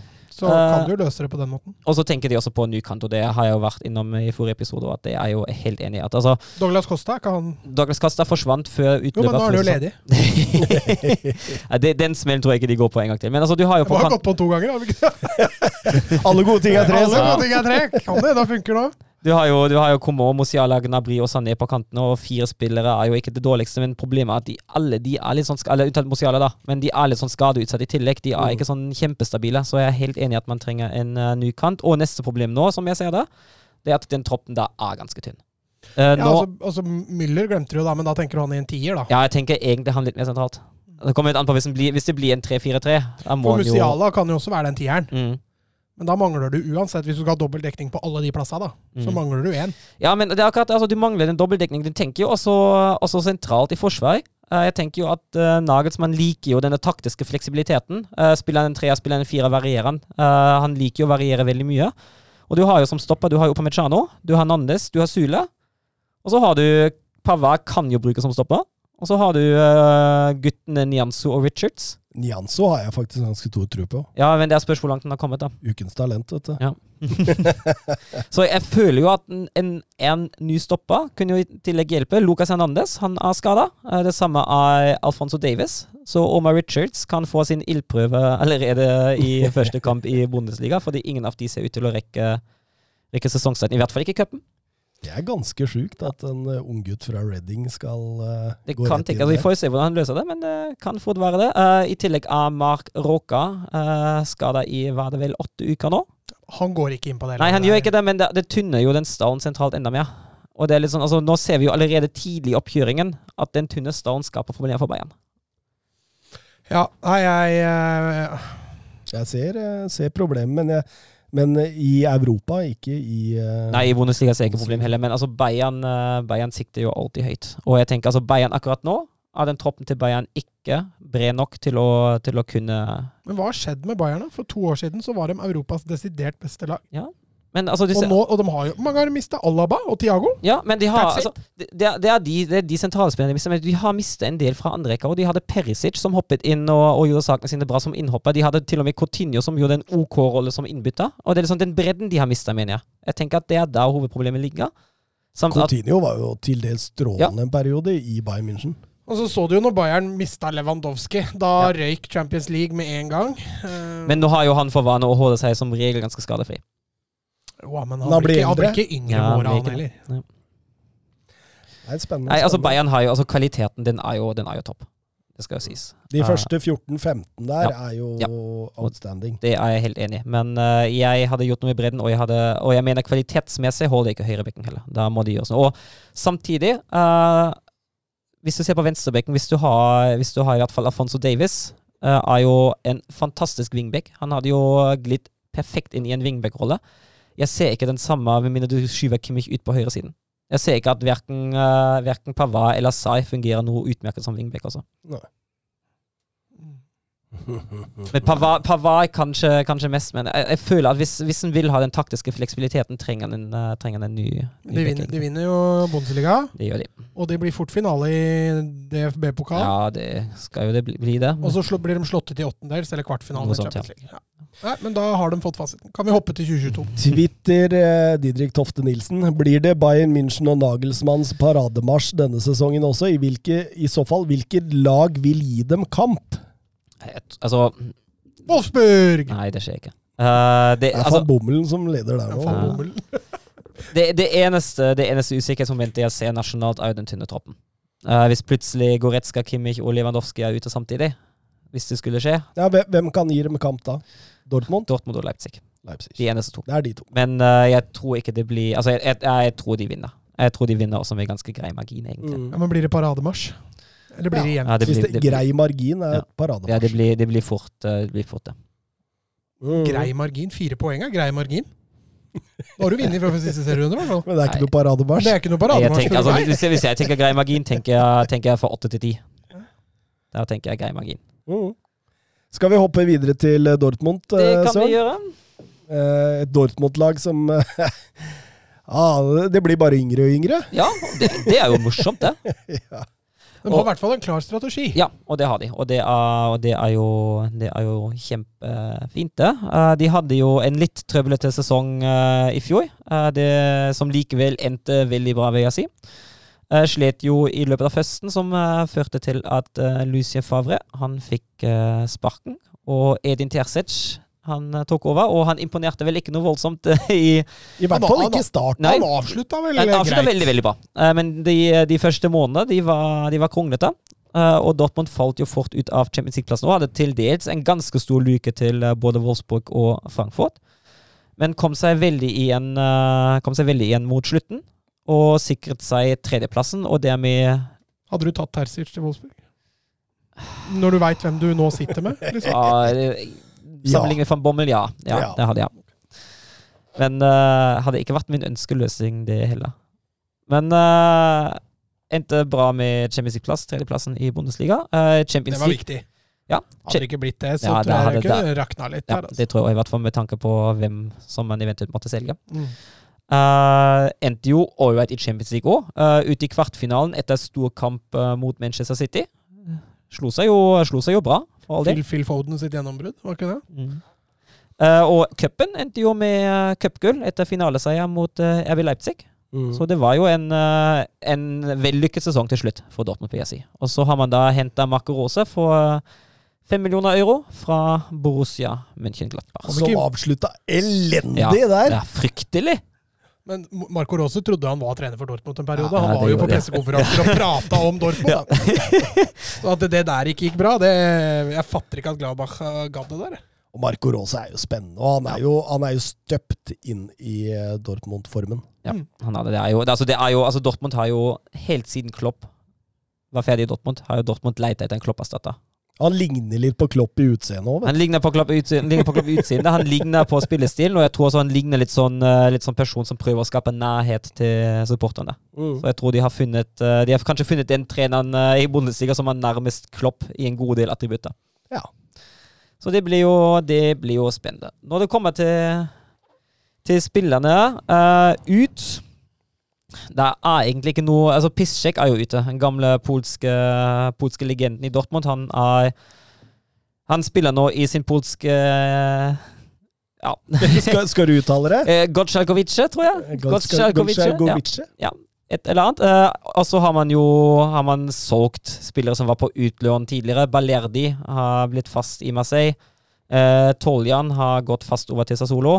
Eh, og Gomez han var, han var utlånt i Huesca, men han er blitt kjøpt av Anderlecht i Belgia. Så det blir Mats sin lille føljetong. Ja. Stemmer det. Inn eh, Ansgar Knauf har blitt eh, fast i, for førstelaget, kom fra andre laget. Eh, Gregor Kobel, en ny keeper for Stuttgart for 15 millioner. Og Sumaya Kolibali, en eh, 17 år gammel midtstopper, kom fra PSGs U19, og i dag kan man henta et nytt talent. Ja, og da kan vi ta Twitter-spørsmålet fra Sander Midtstuen. Eh, hva kan dere si om Abdullaye Kamara, som ble hentet til Dortmund? Han ser ut som en veldig spennende spiller. Han er 16 år, 2004-modell. 2004-modell, så dette er, dette er meget, meget ungt. Passer jo perfekt i den strategien eh, Dortmund har satt seg i. Jeg har jo ikke spilt voldsomt med kamper, har vært litt, uh, litt brukt i uh, Youth League. Men, Ungdommens men, men Champions han trente fast med Paris Saint-Germains A-lag, Og og var med i noen av troppene mm. i Champions League. Og etter det man hører, eh, blir han jo kalt den nye Jude Bellingham. Det er jo litt rart når, når Jude Bellingham er ett år eldre. Ja. Bellingham er 2003-modell, men han blir kalt den nye, nye Jude eh, Bellingham. Ett og et halvt år eh, yngre. Eh, Men han skal være en litt sånn lignende spillertype som, eh, som Drew Billingham. Dyptliggende midtbanespiller. Eh, Fysisk, da. Ja, eh, men eh, kan vel også brukes som, eh, som stopper, etter det jeg har fått med meg. Men eh, veldig spennende. Han er vel han skal, han skal vel brukes eh, først på, på diverse rekruttlag, og sakte, men sikkert føres til, uh, til A-laget til Dortmund. Men det er liksom det. Kamaran og, og Kolobali som ble begge henta fra Paris Saint-Germain. Du har en Mokoko, du har en Bellingham, en Reina, eh, Knauf. Det er, det er mye ungt og godt der nå, altså. Ja, det. Når det kommer til, til rykter, uh, den som er jo nærmest for, altså den som er jo nært forestående, det er jo Sancho. Det er fortsatt ikke offisielt, uh, men han går jo til United. Ja, det ah, da er vi Jeg igjen så- på øl, da. Så Det er nice. jeg, jeg, jeg så at Sork han, han sa vel 'Jeg forstår ikke hvorfor de ikke har', for Ja. alt er klart. Alt er klart, men de har bare ikke signert ennå. Jeg veit ikke hvorfor, men de har ikke signert ennå. Eh, det er jo diverse rykter rundt Erling Braut Haaland. Eh, Dortmund eh, nekter vel han AK selge, og jeg tror det skal ganske mye penger til for å overbevise dem om det. Ja, han har vel Det er vel en klausul som trår i kraft neste, sesong. Ja. Så da må de jo Altså, hvor høyt over For den klausulen, hu- er det noen av dere som husker hva den var var var, det, på? var, det, var det 55, eller noe Ja, for det, det er ikke så veldig mye. Nei. Så det kom, så, så, så de må jo ta et valg nå à la Mbappe-valget, liksom. Ja. Hvor mye penger skal man tape for å få den eh, klausulen til? Altså, hvis, hvis Chelsea da gir de 1,5 til 1,7 milliardene som det har vært snakka om, mm. da, da bør man jo selge. For det, da snakker vi jo om en milliard for én sesong, Matt. Ja, tapt, ja. Ja. Mm. Ja, jeg er helt enig med deg. Den vurderinga må de jo ta. Så kommer det jo selvfølgelig det sportslige aspektet. da. Mm. Hvor mye taper vi på å ikke ha Haaland? For det, og det er klart det at du får, plutselig får halvannen milliard å handle for, det er klart det gir deg jo en god spiss, men uh, det, jeg tror ikke de får tak i noen som kan erstatte Haaland sportslig.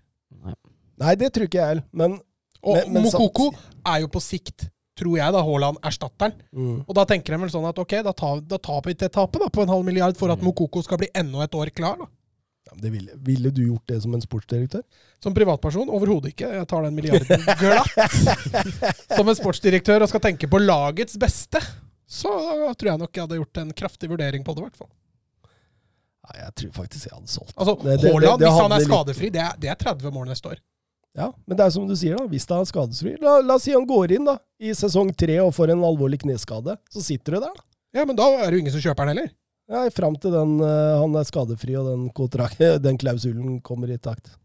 Ja, ja, ja det er, Men alt fotball sånn sett er jo gambling, da. Ja, det er det jeg mener. så Chelsea kan jo Skal man betale gamble- 1,7, og så Og skal man gamble det, så mye penger? Det er det jeg lurer på. altså, jeg, det, På den måten så føler jeg det ikke er gambling, da, for da, da, gjør du, da legger du jo et sportslig argument til grunn. Mm. Altså, Her har vi en spiller som er uerstattelig. Vi får ikke kjøpt noen som kan erstatte sikkert halvparten av målet hans.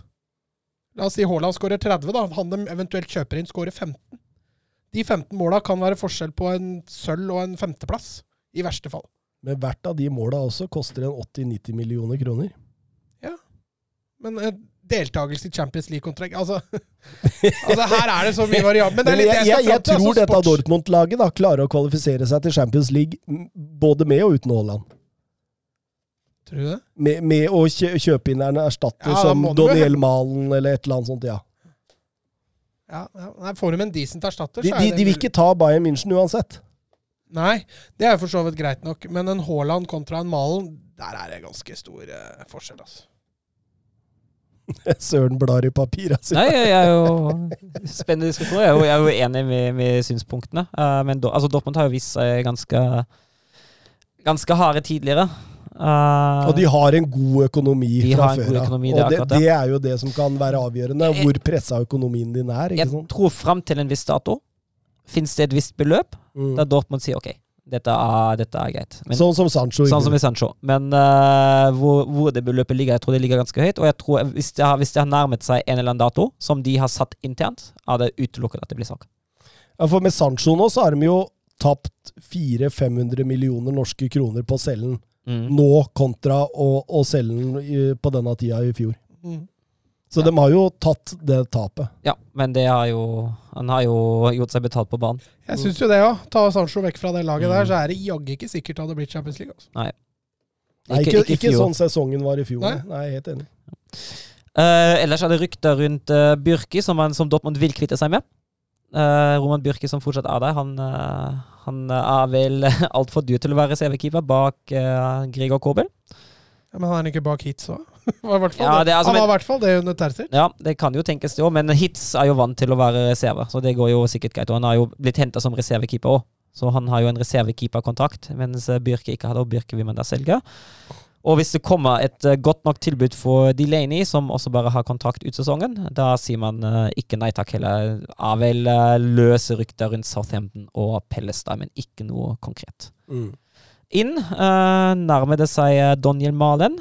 Etter det siste som jeg har lest, skal klubbene være fem millioner euro fra hverandre, og Daniel Malen skal være fristilt for forhandlinger fra PSV. Og dette er jo Dette er jo, dette er jo strålende fotballspiller. det er en herlig fotballspiller, og det er jo, det er jo, litt, det er jo en av de svakhetene at bak Haaland da har man Mokoko, Mm. og ellers ikke så mye. Men Daniel Malen han kan fungere både som en Sancho-erstatter og en Haaland-erstatter. Og han har Og mye han kan mål. også fungere på tieren. Ja, Mm. kan det. Veldig fleksibel spiller. Og 40, 45 kamper, 27 mål og 10 assist for eh, PSV sist sesong. Det taler for seg, det. det er Altså. gode tall, det. Og det ser ut til å være nært forestående, det deg. Mm. Uh, og skal jo da finansieres selvfølgelig av delvis de Sancho-pengene, for den koster rundt 30 millioner euro. Pluss Mm. minus. Med pluss. Uh, Marcel Halstenberg uh, skal være nei en overgang. Eh, han skal ønske å flytte til, til Vest-Tyskland. Da er det snakk om eh, et ettsifret millionbeløp, eh, og at Marco Rose er veldig fan av Halstenberg og ønsker gjerne å ha ham på laget. Og samtidig skal Nico Schultz, uh, så langt venstre back, backup, han skal da selges. Tilbake til Offenheim. Hmm? Tilbake til Offenheim. Ja, blant annet. Uh, ellers er det et uh, spennende rykte rundt en midtstopper, Jeremiah St. Just. Han spiller i Mainz. Uh, og Han har også vært på Ukas talent. Mm. Mm, og han, uh, han, er, han passer egentlig veldig bra. Han er duellsterk, han er kjapp. Han er moderne midtstopper som har god i oppbyggingsspill, har svakheter på hodespillet, men uh, passer egentlig veldig veldig godt inn uh, i den filosofien som Marco Rosa har tenkt seg. Uh, og Dortmund har jo behov for en midtstopper. Du har jo uh, Sagado som er skada, så har du Akanshi, Hummels og Chan. Og det var, det var Men, men, men, egentlig men det. det fikk jeg ikke snakka om i forhold til EM-sendingene våre, men Akanshi var en stopper som imponerte meg stort Mm. i det mesterskapet. Altså. Han var strålende i det sveitsiske forsvaret. Men det er fortsatt for tynt. Ja, Eh, den troppen, særlig hvis du tenker altså, hente Boateng, da, vet du.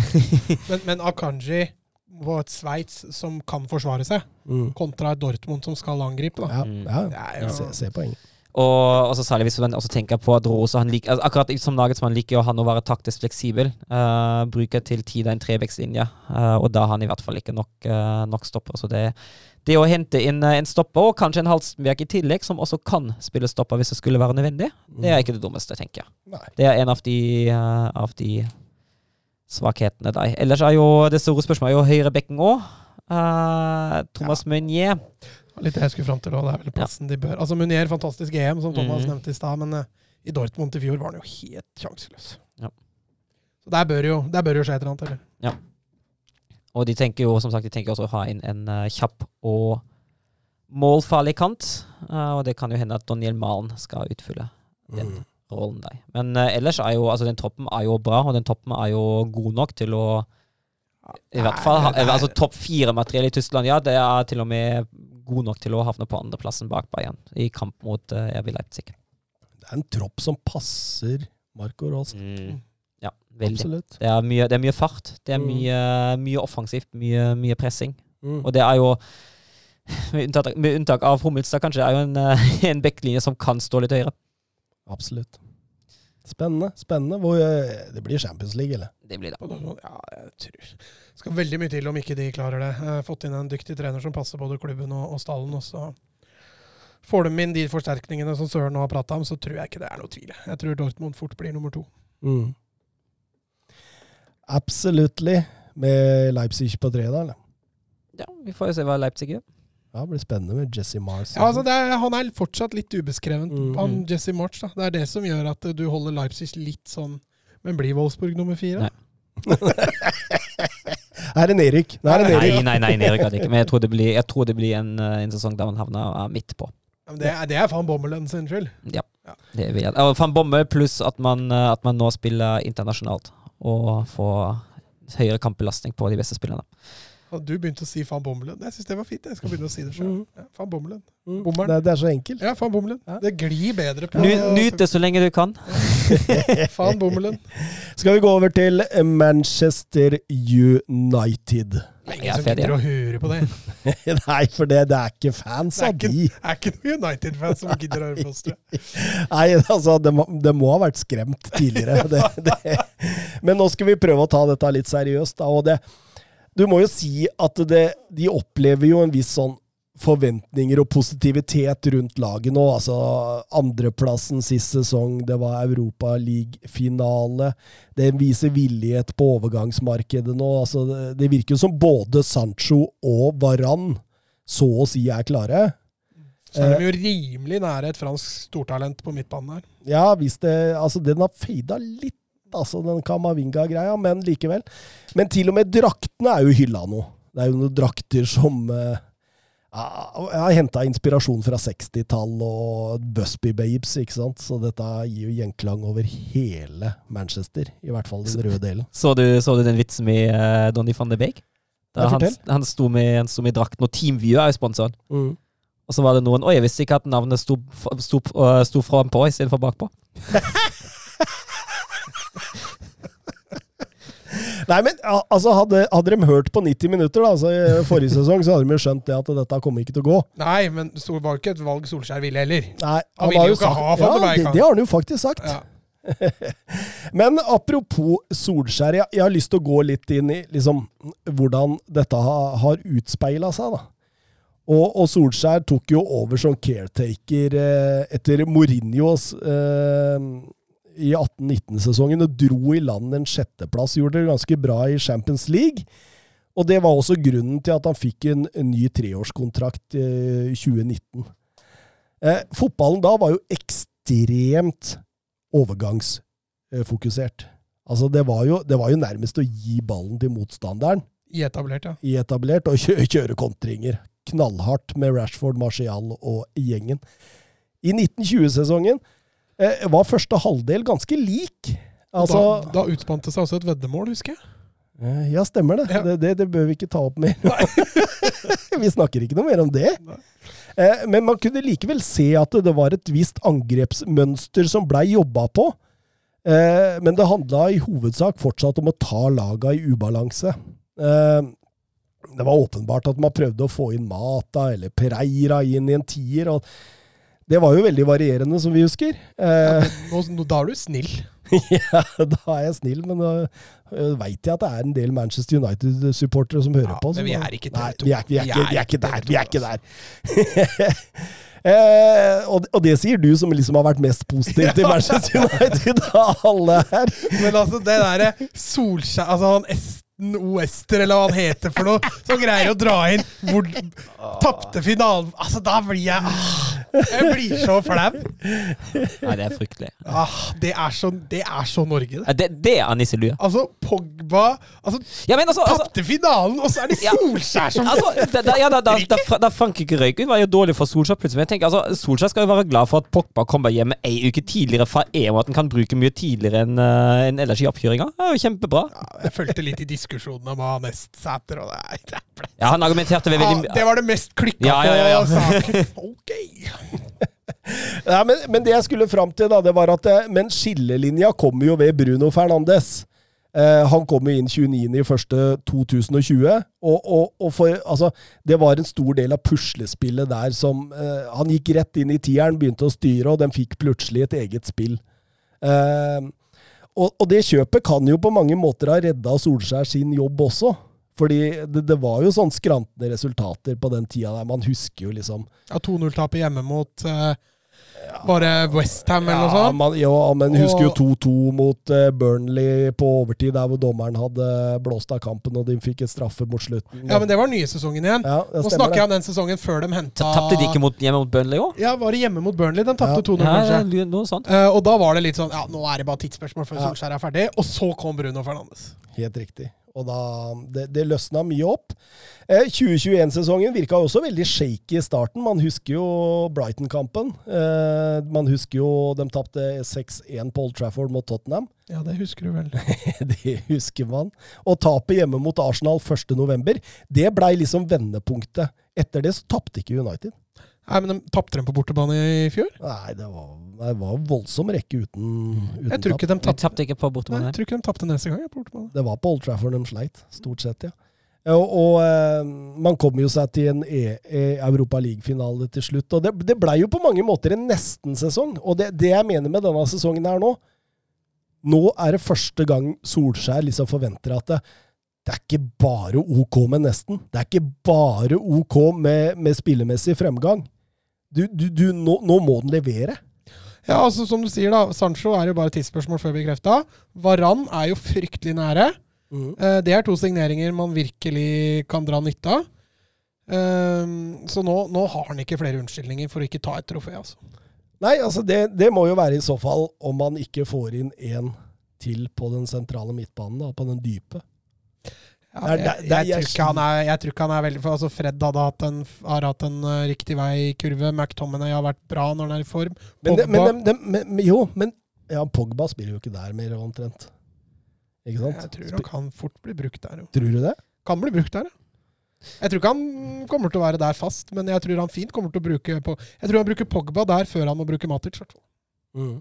Mm. Så med en gang da Fred eller McTominay ikke spiller, så tror jeg nok fort vekk Pogba kan dras ned der. Ja, Han tar i hvert fall ikke tieren. han tar ikke tieren. tar kanskje venstrekanten, da. Ja, det blir jo en av kanta da, og der har han jo vært med Mm. varierende hell der òg. Men hva tenker vi om høyrebekken, da? Når vi først snakker svakheter. Aron Van Bissaka. Nå, nå går det jo rykter om pga. dette brexit-problemet i eh, La Liga at Trippier kommer. Mm. Og det hadde vært strålende. Mm. Jeg tror nok det hadde forsterka dem, Mm. fordi Van Bissaka er ikke så god som det mange hevder han er. Nei, altså defensivt, i taklinger og dueller og sånn, så er han outstanding. Men offensivt så har vi prata om det før. Det er mye angrep som stopper hos han. Eh, og posisjonering av defensiv er jo defensivt. Ja. fullstendig eh, hjerneblødning. ja, absolutt. Så eh, jeg, jeg tror nok en Trippier inn der vil eh, løse mye. Ja. Så er det jo den nieren, da. Den spissen. Mm. Den er også Der, Ja. der sliter vi også å helt se. Fordi Sliter vi? Oi! Ja, han er litt Skape-United-supporter, han her òg. Nei, men jeg tenkte vi. Å ja! Her! Vi sliter i nieren. Jeg! Vi sliter i Du sliter i toeren, du, som regel. ja, som regel. Det er derfor jeg ikke håper at han ikke flytter Pogba ned i den toeren. for Da, da, da blir det trangt der. Altså.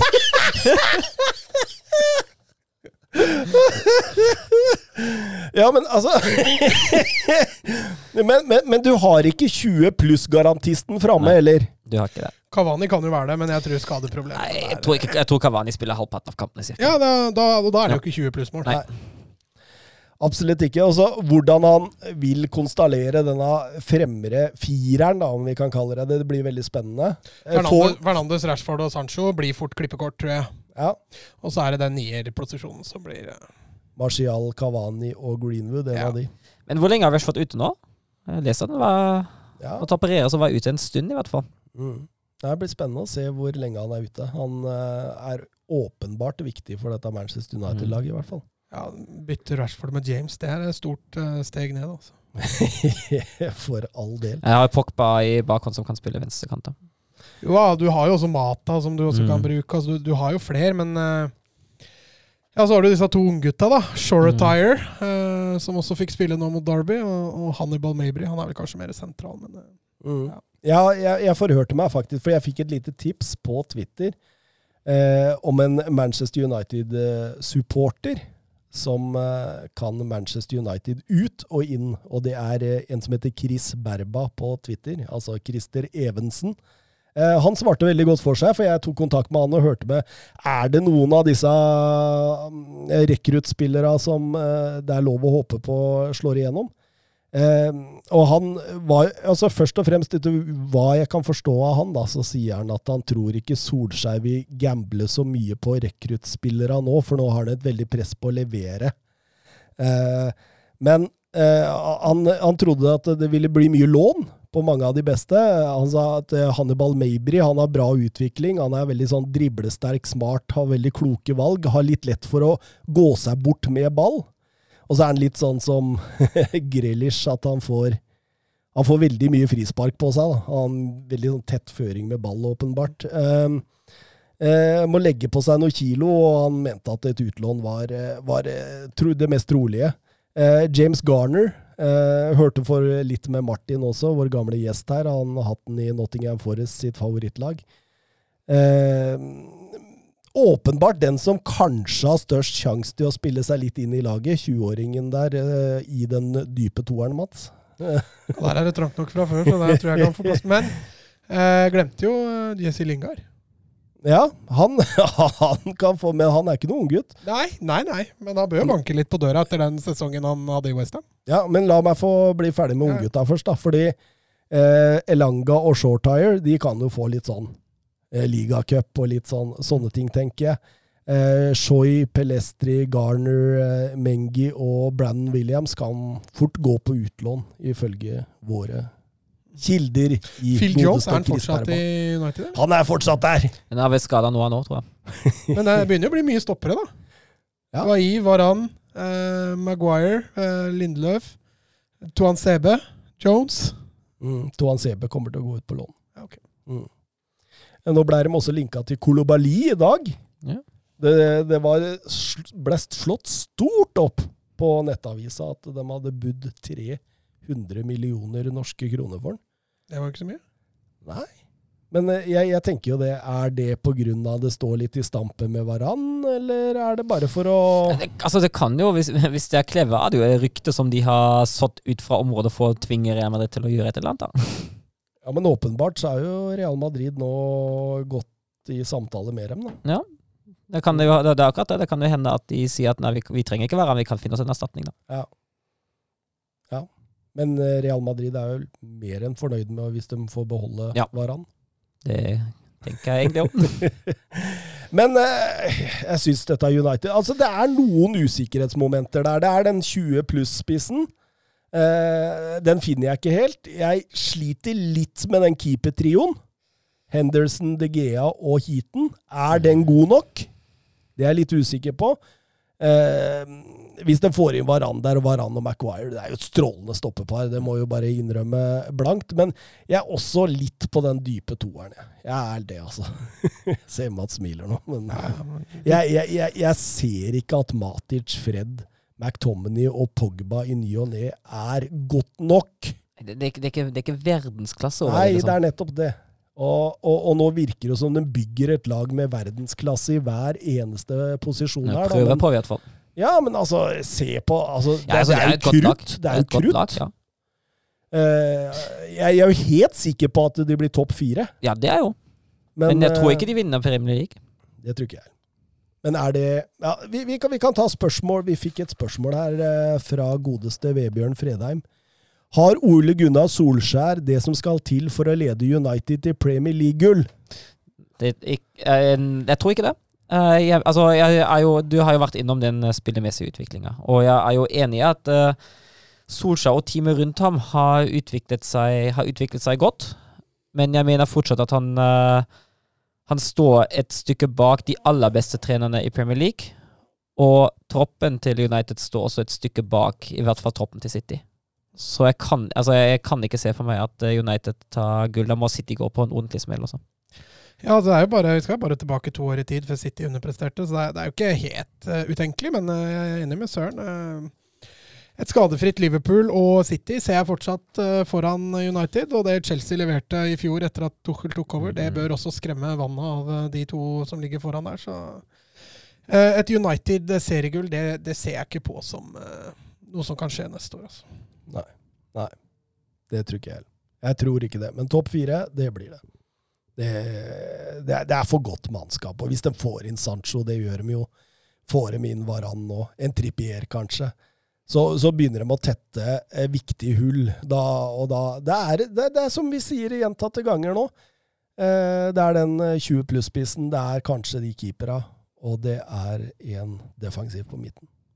Så er de, da hadde de fått inn La oss si, da, bare for morsomt, hadde de fått inn Oblak hadde de fått inn uh, Declan Rice. Declan Rice, ja. Og hadde de fått inn Harry Kane, så, så, hadde de vunnet Premier League neste år. Ja, men hadde de hatt lån til langt over uh... Nei, ikke Manchester United. De har ræva full av penger. ja, de har det. Uh, over til Liverpool og Jørgen Norbert Klopp. Visste du han het Norbert? Faktisk ikke. Nei, jeg flira av i hjel når jeg sa Norbert. Eh, tok over Liverpool oktober 2015. Og det gikk ikke så lett i starten, Søren. Nei, det var jo Han uh, trengte litt tid for å bygge opp. Han måtte bygge opp. Han måtte bygge og hente, hente brikker. Eh, det blei uh, han tok jo over etter Brennan Rogers, lå på tiendeplass etter åtte kamper. Eh, tok over et lag med Coutinho, Benteke og eh, Saco og kompani. Fylte på. Altså, hans første kjøp var Marco Gruic. Mm. Som han nå i dag solgte til Porto. Ja. eh, Henta også da Steven Colkler fra QPR, gamle Tottenham-akademispilleren, og Kamil Grabara, en keeper som nå spiller for FCK. Ja. Eh, han måtte jo begynne å bygge klubb, da, og første sesongen blei nummer åtte. Um, Henta Mané, Karius, Matip, Klavan og Vinaldum før 16-17-sesongen. Uh, og 16-17-sesongen blei en fight uh, helt i døra med Arsenal om den siste Champions League-plassen. Uh, det klarte de. Eh, det blei Champions League og 17-18-sesongen da, hvor Salah kommer inn i Premier League og tar dem med storm, og fyller på igjen da med Virgil van Dijk i januar, så begynner jo dette da å, å, å dra ganske godt av gårde, Mats. Mm, det kan du si. I tillegg så får de fram Eh, typer som Robertsen, da, som egentlig kom fra intet, de greier å produsere egen spiller i, i eh, Alexander Arnold. og da når de får de wingbackene, det er da virkelig dette her tar av. For det wingback-spillet som de spiller med under Klopp, det Altså Man ser det jo nå, det har ikke fungert så bra i år. Liverpool har heller ikke fungert så bra. Så mm. Robertsen og Arnold var minst like viktig å få på plass som det van Dijk og Mané og Salah har vært. Ja, eh, det blei en finale mot Real Madrid. Eh, mange Liverpool-supportere den dag i dag som fortsatt eh, tenker på det som en stor, stor eh... det er fortsatt folk som har Ramos hengende i løkka. He, men gjorde, den finalen gjorde også at de fikk litt millioner på bok. Den brukte de på Alison Becker, Fabinho, Shakiri og Nabi Keita. Noe som eh, gjorde at de fikk et voldsomt dres om ligagullet med Manchester City, som de tapte på målstreken. Men da slo de Tottenham i Champions League-finalen. så det Der er det fortsatt Tottenham-supportere. Likevel. Fortsatt de som Og har dommerne i løkka. Men det, det, det, som er så surt der, er at kampens store, store på en måte nøkkelsituasjon ble avgjort av en var-greie som ikke hadde vært en var-greie i dag! Mm. så det er det som irriterer mye. Eh, 1920-sesongen, overlegen Premier League-gull, 18 poeng foran eh, Manchester City. Vant Uefa supercup og VM for klubblag. og ja, De røyker jo i denne pandemikampen mot Atletico Madrid, der hvor Diego Costa hosta seg gjennom pressefolka. Ufyselig type, altså. Ai, ai, ai. Og, det, og, og du kan si på mange måter at det blei en liten ah, vendepunkt igjen. Ja. Det blei det. Det blei en vanskeligere sesong eh, denne sesongen vi avslutta før EM her. Eh, Var aldri med i gullstriden. Eh, Blei litt sånn prat om kunne de gå glipp av Champions League? Jeg så jo i en periode, så du, jeg husker jo den, den 2-2-kampen mot, uh, mot Newcastle eller noe sånt. Da Da begynte det å se litt tynt ut etter hvert. Det gjorde det, altså. Det gjorde det. Men eh, 90 minutter, vi hadde alltid tro på at de ville klare det, og det det var eh, sånn også det blei, eh, heldigvis for alle Liverpool-supportere. Men eh, jeg tror denne sesongen her Altså, den sesongen vi var inne i nå Jeg er litt redd for at det, det, det, det kan ha blitt en litt sånn der At det, det venta Altså, den ventaen, hvis jeg får snakke svensk, på Virgil van Dijk. Og det at det faktisk gikk såpass bra nå mot slutten av sesongen, kan være en litt sånn blessing in the skies for Liverpool. Fordi altså, vi har jo vært inne på det med at eh, Guardiola har sagt det, Pochettino har sagt det, at eh, alle vinnerlag trenger fornyelser hele veien.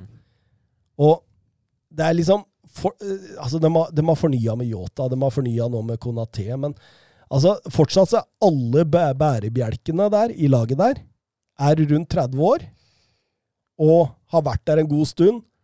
Eh, Henderson, Salah, Mané, Wilson van Dijk Ikke sant? Eh, de, de kan være litt sultne. Nei, litt mette, mener jeg. Ikke sultne, mette. Jeg tenkte på William igjen. nå. Han var sulten. leste, du, leste du forresten eh, Rafael, han gamle Manchester United-høyrebekken, har snakka om han Anderson? vet du. Ja, han brasilianeren. Ja, Hørte du han snakka om den? Nei. Nei, det var jækla bra. Han sa at eh, han hadde vært verdens klart beste spiller, hadde det ikke vært for hans matinntak. Altså, han, han kjørte ofte med en til og fra på treningsfelt og sånt, og veldig ofte ropte han bare 'McDonald's! McDonald's!' Måtte de innom Og ja, han spiste og spiste og spiste og trente nesten ikke. Jeg husker jo når Anderson kom til Manchester United, hvor ekstremt god han var. Kom ikke han sammen med Cristiano Ronaldo? Jo. Eh, han- og under Ferguson så fungerte han jo tidvis bra. Ja, han gjorde det. Eh, men eh, litt artig i forhold til det med William og de, men det skal vi inn på. Vi har fått et spørsmål angående det. Eh, men men eh, Ja, Det er Hazard 2-0, ass. Fy fader. ja, Hazard 2-0. Eh, ikke så veldig mye inn for Liverpool foreløpig. Kun Konaté mista Vinaldum og da Gruic i dag. Eh, Kabak ut tilbake til Schalke. ja, Men det er ikke et stort vi- Hvis vi gidder å nevne det. Ja. Men eh, Konaté er jo en god overgang, så lenge han holder seg skadefri. Ja, det er det, da. Jeg holder han seg skadefri. Eh, veldig mye linka til indreløpere for tida. Saul Niges, Jori Tilemans, Juven eh, Bizuma er vel de tre som figurerer mest. Mm. Jeg kan jo skjønne det. Det er jo et lite, lite hull der. Altså Nabi Keita tror jeg ikke de kan stole på. Nei. Han kan levere en storkamp innimellom, men, men ikke noe sånn permanent. Eh, Fabinho og Tiago. Tiago må vi jo si har skuffa litt. Mm. Eh, og så har du Fabinho, da, som ofte spilte stopper i fjor. Så det må kanskje fornye seg litt. Jordan Henderson var rykta ut av Liverpool nå, ser. Ja, Kan det er noen kontraktsgreier. Noen kontraktsgreier som gjør at han kan forsvinne. Milner er jo ferdig, og Oxlade Chamberlain er jo bare skada. Så det, det, det må noe inn her, altså. Mm. Det, det er helt klart, så, så, så jeg skjønner linken. Eh, forsvaret med Virgil van Dijk inn med en Konaté, med en frisk eh, Gomez og en Matip eh, med, med Alexander Arnold på den ene og Robertsen på den andre, er jo, det er jo bra. Williams og Hva heter han andre? Sinakis. Phillips. Nat Phillips. Nat Phillips. Ja, midtstopperen, ja. ja. For jeg tenker også bredden på Beck Altså, du har Sinakis og du har Nico Williams, som Mm. erstattere til Alexander Arnold og Robertson. Ja. Altså, Men, men, men nå kan Gomez spille ut høyre back. Ja, men altså, det blir jo ikke det samme. Altså, Gomez som, som den rollen som Alexander Arnold har i det offensive spillet, Nei. den, eh, den ser jeg ikke helt, da. Nei da. Han er ikke like god offensivt, det er ingen tvil om det, men at han har løst den eh, høyreback-rollen før, Ja. det har han gjort.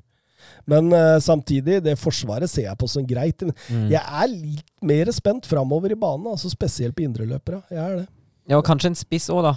Ja, med tanke på det Firmino har levert. Ja, du har jo, altså Firmino Jota kan jo ta den spissrollen nå, for all del. Men, ja, men han har ikke samme funksjon. nei, han er, ikke- det er akkurat det. Og jeg tenker at jeg tror Firmino hadde hatt godt av en konkurrent som kjemper, som han kan kjempe om plassen mot. da Mm. Egentlig, Jeg tror han har vært altfor safe for plassen sin. Hvem skulle det ha vært, da?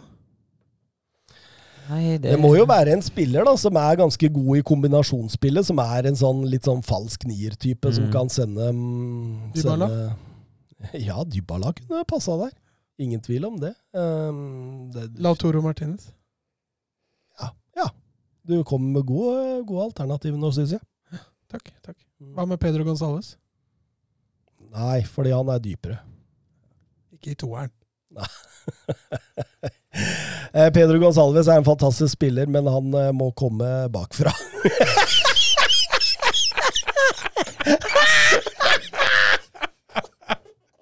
Oi, Nå er det mye, er det mye koffert. Men eh, jeg er også spent på Harvey, Harvey, Harvey Elliot. Eh, kommer jo fra Altså, nå, nå går det gærent her, altså. Nå sier jeg som Dag Erik, Erik Pedersen at nå går alt i stå for meg her. Det er vakkert. Er at han, han liker å komme bakfra, men ikke, ikke, fra den, ikke den dype toeren. Men Harvey Elliot, blitt 18 år nå, bør begynne å få en viss innpass i laget. Du har jo sett den litt i Blackburn, sikkert? Ja da, han var eh, veldig varierende, da. Det skal nevnes. Men på sitt beste ser han vanvittig spennende ut, altså. det blir ikke et nytt utlån. Vi snakka jo litt om det i fjor. Jeg syns han kunne fått prøvd seg litt mer i Liverpool i år, jeg da. Mm. eh, Med tanke på hva de offensive presterte i fjor. Dere, eller hva jeg husker ikke om vi snart diskuterte det, men, eh, men det kan jo hende det lønner seg at han får et utlån til. For det er ikke bare bare å benke Salah eller Mané. Altså. Eller Jota. Ja, Den kommer i tillegg der. Ja, altså Firmino òg. Og ja, så har du kanskje ikke helt den samme klassen som Minamino og Shakira Ja, også deg. Men det er jo denne sesongen her jeg nå skal ha midt på det tørre om at Yota er en Ja, vi får se. Det blir spennende å se. Jo, men eh, basert på EM så ligger du godt an. Ja, jeg gjør jo det. Jeg gjør jo det. Og, og egentlig også avslutninga på den sesongen han hadde nå, med en del skader og litt sånn. Mm. Ja. Jeg har jo vært inne på dette med Hazard før. Jeg traff jo så det sang. Ja, Men du traff mye bedre enn det du trodde. Ja, det gjorde jeg. Du trodde ikke det skulle gå så gærent. Nei, det trodde jeg faktisk Nei. ikke. Så jeg traff bedre enn det jeg trodde. Eh, Men, men eh, jeg, jeg vil litt inn på det enda med det jeg snakka om, denne 'blessing in the skies'. og det med at, at nå, nå føler de kanskje at eh, sesongen kom litt på glid igjen. Van Dijk kommer tilbake, kanskje. Altså, men eh, de, de trenger jo litt sånn nytt blod inn der, føler jeg. Og det ser ikke ut som at det blir linka til sånn voldsomt mye spillere. Det virker fortsatt da, Mané og Salah eh, og, og, og alle disse her skal fortsatt ha den rollen de har i klubben. Til, til og med Firmino. Mm. Og da Men er det litt dårlig økonomi i Liverpool? Ikke som jeg har fått ikke, ikke det med. Ikke dårlig, da. Det var Nei. kanskje dårlig formulert. Men, Ikke som Barcelona og Real Madrid, nei. nei, ikke sånn dårlig. Men, men at de er ikke som United, da, som kan punge nei er, halvannen milliard i løpet av det overgangsvinduet. og, og det så man jo når de hadde lyst på Timo Werner i fjor. At uh, de ble ikke med på Chelsea-kjøret. uh, men de kjøpte Yota for noen millioner uh, lavere. Eh, Det var ikke mange millioner lavere. Nei, og det er det jeg reagerte litt på, da, som jeg, som, som jeg sa i en tidligere pod. At det er veldig rart at du ønsker Timo Werner så intenst, men ikke klarer å være med helt ut på det budet der. Og så, og så henter du Yota for ja, hva, 10 millioner mindre, eller noe. Mm. Er veldig, veldig merkelig. Men, eh, og, og jeg er jo også av den inntrykket at eh, Timo Werner hadde passa bedre i Liverpool enn i Chelsea. Ja, i hvert fall under Lempert, da. Mm. Under Torkel kan jeg fortsatt se for meg at det kommer til å gå bra. Og Jota hadde passa bedre i Chelsea. men, eh, men, men, men dette generasjonsskiftet som med Yota, med Konaté, som kanskje kommer nå eh, Likevel, vi, vi må ha inn litt mer blod. Jeg, jeg, jeg, jeg kan ikke se for meg at dette Liverpool-laget Altså, jeg ser dem i, i Champions League eh, topp fire, men jeg, jeg kan ikke se dem ta ligagullet denne sesongen. Nei, jeg holder både City og Chelsea for sterke akkurat nå. Men det er nå vi får svaret på hvor viktig er Virgil van Dijk for dette Liverpool-laget. Men er han skadefri nå? Ja. Så han er klar til seriestart? Ja. Han eh, kunne vært klar til EM, men han sa at jeg vil ta det med ro for å, for å gjøre meg klar til neste sesong. Ja, smart. Det nederlandske prosjektet var jo uansett dødfødt. ja. Ja, det var over før det begynte. nesten. Ja, faktisk. Det blir spennende. Eh, hva er det vi tipper av? Sånn fra andre til femte? Jeg tipper topp fire, da. Altså Chelsea og City og Liverpool tror jeg klarer topp uh, United blir der inne. Det blir de fire som tar topp fire, i Mm. hvert fall. Ja, det tror jeg nok jeg òg. Uh, jeg tror ikke Tottenham er der at de kan utfordre. Nei, nei, nei, nei, nei, nei. Arsenal, Ja, Arsenal. Arsenal er Arsenal ikke det. ikke uh, Eh, så der, der står det mellom de fire, og det kan fort bli en eh, fjerdeplass. Og det kan jaggu fort bli andre og ja, Nei, jeg har ikke trua på gullet heller, altså. Jeg tror fjerde. På, ja, hvis, jeg, hvis jeg skulle satt pengene mine nå, så hadde jeg sagt fjerdeplass på Liverpool. Bak uh, City, Chelsea, United i den rekkefølgen. Hvis du skulle vedda en sykkeltur, da, hvor hadde du satt dem da? Fjerde. Fjerde. Det er fjerde all over. Jeg eh, ser, Det er som du sier, Arsenal, Tottenham, en Lest, et Leicester-lag. Kanskje de Det ser jo fryktelig artig ja, ja, ut. da, det, det, det kan være en liten Ja, det, joker. det der overgangsmarkedet. Ja. De raider opp ett etter ett her. Det er, det er vakkert å se på. altså. Men så er det jo sånn, da. Selger dem Tilemanns til Liverpool nå, så har vi nok en gang den der ene som alltid går derfra, Ja. som gjør at det blir litt tyngre. Men Ja, de har jo se. fått inn Somaré. da. mm. Ja, ja. Men han, han er jo ikke noe Tielemanns-erstatter. Han er jo mer en som skal figurere i toeren med, med Nei, nå må du kutte ut, altså. Ja, med Ndidi. Ja, med Ndidi. Eh, vi kan hoppe videre til eh, Atletico Madrid. Det kan vi gjøre. Vi kan jo bare kjapt uh, gå gjennom uh, fjorårssesongen for, for Atletico. De starta jo litt rufsete. Jeg husker vi satt og prata om at Atletico skulle spille mer offensivt i år. Uh, de gjorde også det, husker jeg, i starten. Men det varierte også resultatmessig. De tapte riktignok ikke i starten, men, men det ble en del uavgjort, og det gjorde at de tidlig havna litt bak. Og så ble Atletico mer Atletico igjen, sånn rundt oktober-november. Eh, og da grinda de fram 1-0, 2-1 i nesten hver eneste kamp. Og i løpet av et par måneder så hadde de skaffa seg da en ganske stor luke ned til både Real Madrid og Real Sociedad og, og Barcelona osv., de, som- de som lå bak. En, en luke de behøvde. Ja, en luke de virkelig behøvde. Fordi når vi kom da etter at Atletico Madrid ble slått ut av Chelsea i Champions League, så skjedde det noe drastisk formmessig. De, de uh, vant knapt fotballkamper og blei fort tatt igjen.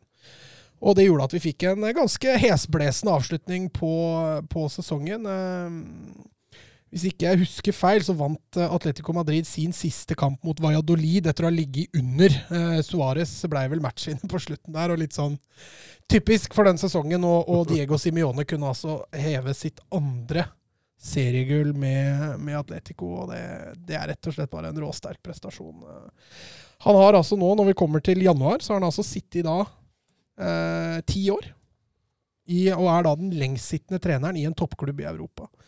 Eh, så kan du bruke bare et kjapt minutt også på å hylle Simione, som også nå da har signert en ny treårsavtale. Han er jo den best betalte treneren i Europa, det skal også nevnes. Men eh, med tanke på hva han har levert over tid Han har forandra filosofien sin svært lite. Eh, det er liksom ikke Det er ikke noe Guardiola, og du veit hva du får når du møter Atletico Madrid. Allikevel, Nærmere Allegri enn Nagelsmann, liksom. for all del. Ja. Uh, og der, han, Vi så jo litt eksperiment i fjor. Han kunne legge opp til en trebekslinje plutselig. Han kunne, kunne plutselig spille 4-3-3. uh, så han prøvde jo å, å, eh, å eksperimentere litt i fjor. Eh, han slo det fort fra seg, og det var lurt.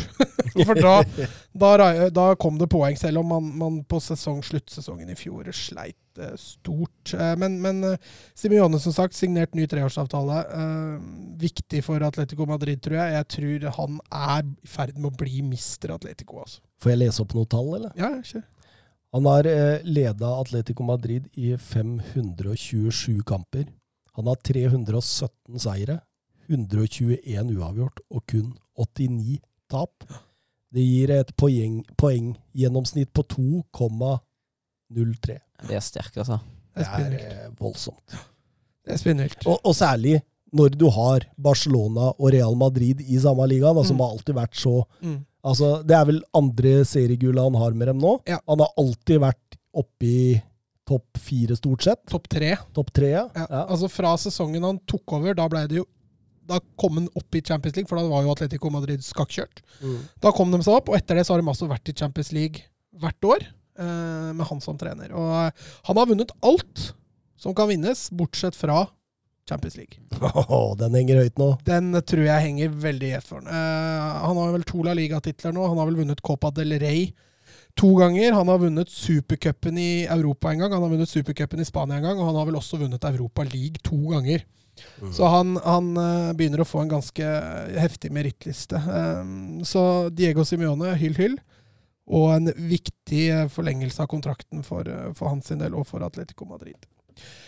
Eh, når vi ser litt på spillematerialet, Atletico Madrid, i likhet med de mange andre spanske lag, sliter jo ganske kraftig økonomisk. Eh, sånn sett for dem litt kjipt at, eh, at Superliga ikke blei noe av, men de var jo også en av de første som meldte seg ut av det der Superliga-greiene fra Spania.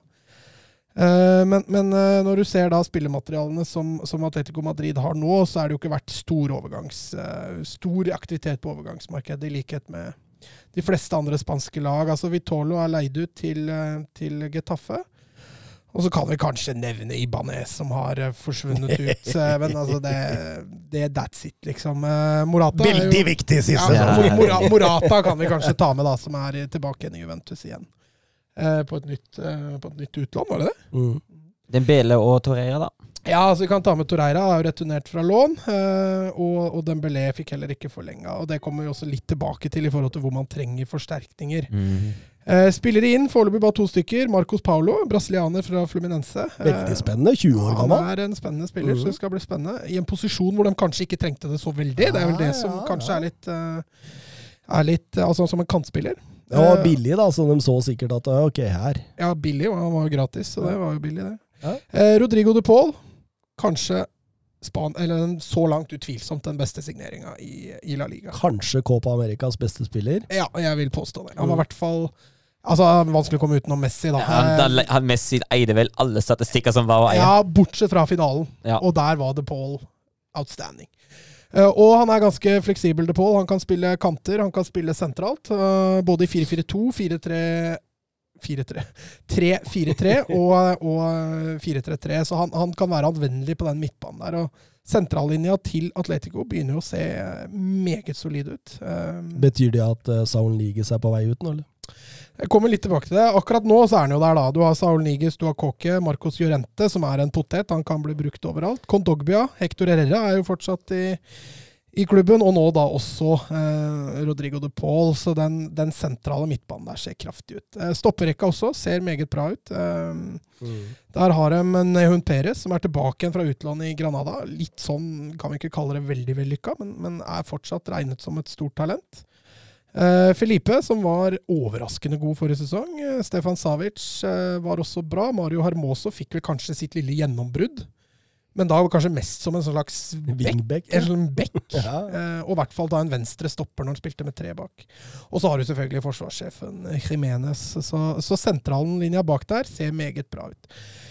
Og så har du da spisser, og her er her er det tynt. Um, som Søren nevnte, Moussa Dembélé har returnert til Lyon. Det gjør at eh, Luis Suárez er jo den soleklare førstevalget.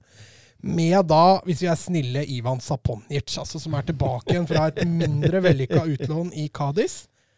Uh, som et alternativ. Uh, du har Joao Felix, men det er jo på ingen måte en nier. Du har Angel Correa, det er på ingen måte en klar nier. Eh, Nei, men altså, De fungerer i en i en tospissystem ved siden av, eller rundt Suárez, syns jeg. ja, men Suárez må Ja, være der. ja. Du kan ikke ha Felix og Korea Nei, som det går ikke. Det, det tror jeg ikke vil fungere. Så Atletico Madrid, spiss er pri 1, pri 1, pri 1. Det er, det er ikke så veldig mye annet å se etter.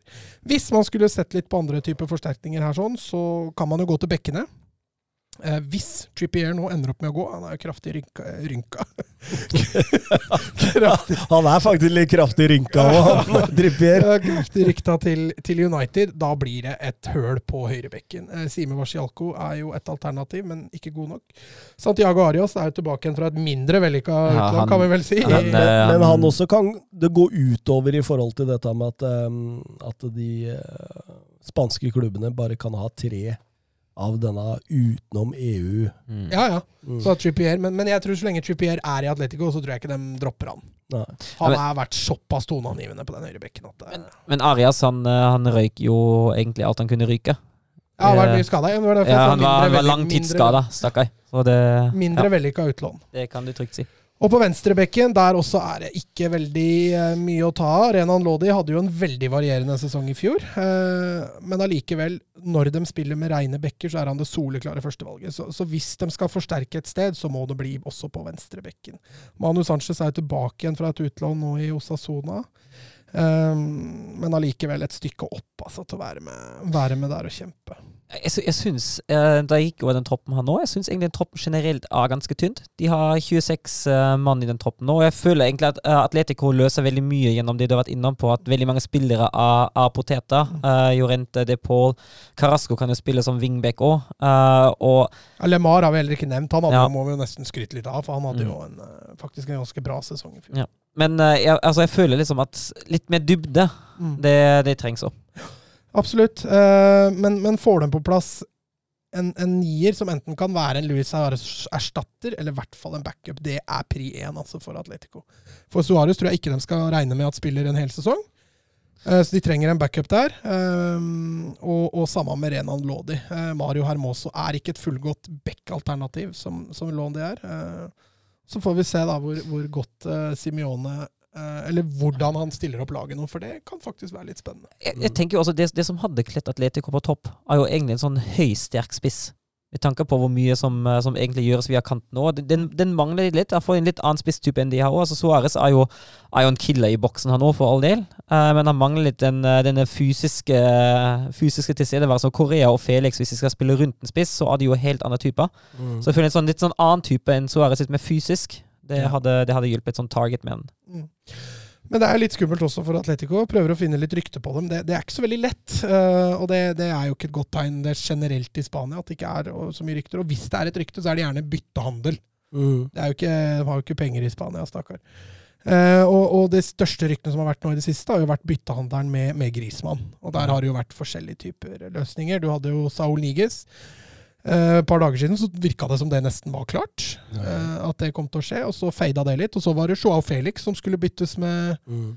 med Griezmann, og, og så feida det litt. Så, um, men allikevel, de få ryktene som er, så går det ofte på spisser, altså på Atletico Madrid. Og, men enn så lenge så har jeg liksom ikke fått noe som er, virker veldig troverdig.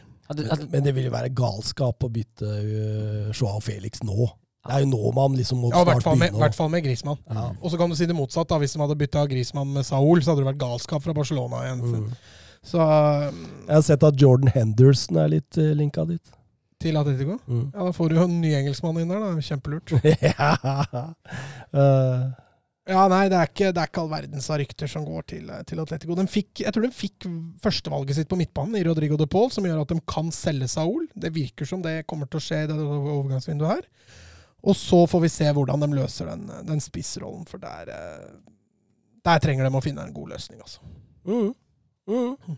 Eh, blir ikke nytt seriegull, Søren. Nei, jeg- eller vet, vet, altså nå det, altså, det, som- det som er jo at verken Real eller Barcelona ser, ut, ser særlig sterke ut sånn akkurat nå, de heller. Så det kan, det kan bli en kamp igjen. Altså, jeg, jeg tror ikke det. Jeg tror ikke at det blir nytt seriegull, men jeg vil ikke helt utelukke det heller. Ja, altså Fjorårssesongen, da. Eh, Atletico Madrid altså Vi skal ikke ta fra dem noe som helst, men du følte at de vant litt fordi Atletico, nei, fordi Real og Barca var så dårlige. Ja, og det kan jo skje igjen. Ja, det var akkurat det jeg skulle fram til. Ja. For de, ingen av de forsterker seg sånn nei. fryktelig mye heller, så det er ikke helt utenkelig. Men, men en topp tre-plassering, der tror jeg jeg Der tror jeg vi trygt kan plassere dem. altså. Går over til Real Madrid, Mats. Vi kjører litt Real. Eh, det Har ikke skjedd så mye der heller. Nei, det er ikke faktisk eh, veldig lite. Eh, hvis vi bare capture sesongen deres uh, i fjor også, så blei det i likhet med Manchester United en nesten sesong. Uh, de lå jo lenge, lenge, de lå en stund i hvert fall, og kjempa i toppen om, om La Liga før Atletico fikk luka si, og så fikk de tatt dem igjen til slutten. Men, men uh, Atletico tok det til slutt, og Real Madrid måtte nøye seg med sølv. Eh, De ble jo også slått ut i semifinalen i Champions League. Chelsea, som ble banen både for Atletico Madrid og Real Madrid. Så mm, Chelsea har dem vel en høne å plukke med hvis de skulle komme dit så langt i år. Uh, og Copa del Rey også røyk dem faktisk ganske tidlig ut av. Så Zidane hadde vel en litt skuffende sesong. uh, og det er vel kanskje noe av det vi som største som har skjedd med Real Madrid denne sesongen, er jo at uh, Zidane trakk seg. Mm. Og Carlo Ancelotti gjør altså eh, comeback. Til, eh, jeg tror det er en del Real Madrid-supportere som syns det var greit. Ja, du gjør det? Ja, jeg har en, sitter med en feeling av at Ja. de, eh, de var fornøyd med det. Alle var fornøyde utenom James Rodriguez, som sitter igjen i, I i i Liverpool. Og, Ja, nei, det er ikke overgangsvinduet stengt ennå, da. nei, det kan godt hende han kommer dit. Det kan fort hende de greier å, å lure han bort dit. Eh, når det gjelder spillerlogistikken til eh, Real Madrid, så er det jo ikke veldig mye å nevne. Av spillere inn så er det jo selvfølgelig David Alaba, som Søren nevnte. Han kom jo gratis fra Bayern. Ellers så er det stort sett spillere som har vært på utlån. Det er gode spillere. Ja, for all del. Altså, Jesus Vallejo tilbake igjen fra Granada. Eh, Dani Ceballos tilbake igjen fra Arsenal. Martin Ødegaard tilbake igjen fra Arsenal. Gareth Bale tilbake igjen fra Tottenham. Takke Takefusa Kubo tilbake igjen fra Chetaffe. Og stjerna Luka Jovic. Koronastjerna. Koronastjerne. eh, Ja. Tilbake igjen fra Eintracht eh, Frankfurt. Eh, spillere ut. Eh, Sergio Ramos, som Ja. ble nevnt. Han eh, er eh, i PSG, og Brahim Diaz det er jo klar for et nytt utlån til, til, AC, til AC Milan. Eh, ellers så kan vi vel nesten etter hvert slå fast at Varan også forsvinner. Mm. Så hvis vi da ser Og, gjennom og da kan vi ta spørsmålet til Alexandre Ball. Mm. Dersom eller når Florentino Perez ringer panelet i 90 minutter og trenger hjelp til å løse stoppersituasjonen i Real Madrid, hva ville dere gjort, sett at Varan forsvinner? Kommer an på hvor mye penger man får. Men jeg tenker, altså Den som jeg tenker jo hadde vært predestinert som erstatter deg, det er jo Jules Condé. Jeg tenker jo at han kunne ha spilt en strålende rolle i dette Real Madrid-laget. Og jeg tror kanskje det hadde, det hadde vært min første pri som, eh, som Real Madrid-president, å signere ham. Ja, jeg, jeg tenker jo at eh, de penger... Altså, nå har jo Perez gått ut egentlig og sagt til styret at vi kommer ikke til å kjøpe flere. Men jeg regner jo med at eh, hvis den selger Varan, så er jo det penger Angelotti kan bruke til ny stopper. Ja, det er vel snakk om rundt 50. Ja. Eh, og Condé har vel en utkjøpsklausul på drøyt 60. Mm. Eh, og jeg tror ikke Sevilla selger til Real Madrid med mindre den betaler utkjøpsklausul. Nei. Og Condé har vel sagt at han helst vil til Real Madrid. Han har det. Så at det kanskje ligger litt i korta der at Condé blir Varan-erstatteren, det, det tror jeg nok kanskje det gjør. Og eh, hvis Varan forsvinner, så må Real Madrid ha inn en stopper. Mm. Eh, Ja, for da sitter de i så fall bare igjen med Nacho, Vallejo, eh, Militao og eventuelt en Alaba, da, som Ja. er lova en plass på, på midtbanen omtrent. Mm. Ja, så her må de få på plass en, en stopper. Og jeg tror også det var et skjær i sjøen at Ramos forsvant. Jeg tror de uh, belaga seg litt på at han skulle bli i hvert fall en eh, sesong til, men det var vel litt det det gikk på. Men veit du hvor mye den uh, klausulen til Pau Torres er? Ja, den er også på drøyt 60. Ja, for det hadde vært et alternativ hvis det ikke lot seg løse med Kondi. jeg. Og hvis eh, For Pau Torres har jeg vært kraftig rykta til United. Mm. Men nå går Varan den veien, så da blir det fort ikke Pau Torres eh, til United. Eh, men samtidig, da, via Real, Champions League i år, Mm. er ikke sikkert det er like fristende for Pau Torres å dra fra, fra barndomsklubben, og, og heller få med seg en sesong i Men, men hva med Laporte? Det hadde jo gått an, det òg, da. Ja, du har Kolibaly og Napoli, Ja. som også sikkert ikke blir fryktelig dyr. Sven Båtmann? Mm. Strålende. Får sikkert fått den for 30. Jeg tror ikke de henter Sven Båtmann. Nei. Jeg skal ha inn en erfar, litt Mm. mer erfaren type. Ikke Badiashil eller Men hva med Oi, nå kom jeg på noe! Willy Orban. Ja, det hadde jo vært bra. Ja, det kunne vært en strålende signering Ja. for kanskje en 2025. Mm. Mm. Men de, de skal jo ha inn en som går rett inn i elveren her, da. Ja, men, styrker- men, men Orban kunne jo gått rett inn i den elveren ved siden av f.eks. en Nacho eller en Militao. da. Ja, men rangerer du Orban på lik linje med Varan og Ramas, liksom? Eh, nesten, av det jeg har sett han. Han er jo Orban er en fantastisk I hvert fall defensiv spiller. Han jo Ja, ja, han rydder jo Så du det EBA han hadde? Har du ja, ja, sett for- hva han har gjort for For all del, men, men navnet hans klinger ikke Det er ikke, Nei, noe, det er ikke en Galacticos der. Nei da, det er ikke, men det er en som kan gå inn og gjøre en jobb. Kondé og Nå skal vi Alex Andreball skal ha svar på hva vi skal gjøre, og nå kommer vi med Willy Orban. Altså, når Florentino Perez ringer deg Ja, Hei, Thomas. hei Thomas. Thomas. Du Nei, det var ikke Hei, du! Det var dårlig spansk. Da han ringer deg Ja. og skal ha en stopper, foreslår du Willy Orban da? Jeg, jeg, da ville jeg sagt en eh, Ok, skal, dere, Hello, Thomas, skal, du, skal, skal du bruke alle 50 du fikk for Varan? Ja, selvfølgelig skal han det. Han skal det. Ok, da ville jeg hatt inn to stoppere. Så da ville jeg hatt inn en rutinert og en mer sånn som du kunne Altså en, en ny Varan, da. Så da hadde jeg sagt Badiashil Hent han fra Monaco for 30-35, og så henter du eh, Willy Orban for 15-20. Så har du et ungt, strålende talent som kommer til å bli en ny Varan. Og så har du én i Willy Orban nå, som går inn og gjør jobben med en gang og rydder. Det kommer aldri til å skje. Nei, men det er jo hvis han ringer meg, da, Ja. fordi jeg har svaret. Sportssjef Thomas Edvardsen. Ja, Tror du du hadde fått Orban og Badiashil for totalt 50? kanskje. Ah, jeg veit ikke. Jeg tror ikke Leipzig de har ikke for vane å selge billig. Nei, de har ikke det. Nei, men Orban er 28. Det er klart det at Ja. de ser på. Samtidig, Orban har vært der en god stund. Ja. Men vi ser da at det er ok. Men da, da henter de jo Lacroix, så det har noe ikke seg. Ja, altså det får, får ringvirkninger, dette ja, Ja. selvfølgelig. Ja, det er kjipt. Ja. Nei, altså, de trenger i hvert fall stopper, og det er der skoen trykker først og fremst. Eh, Hazard skada fortsatt, selvfølgelig. Eh, skada og tjukk. Det har han jo stort sett vært hele tida mens han var i Eller så kan vi også nevne at Venitius junior også har vært litt rykta til Manchester United. Eh, ellers, Martin Ødegaard. Var ikke så lenge siden jeg leste nå at han også var rykta til Arsenal. Nei. Jo. Ja. Det er greit. Jo, det var det. Det står 25% sjanse for overgangen på transfermarkedet akkurat nå. 25 sjanse. Mm. Ja, så én av fire ganger da, så går den gjennom.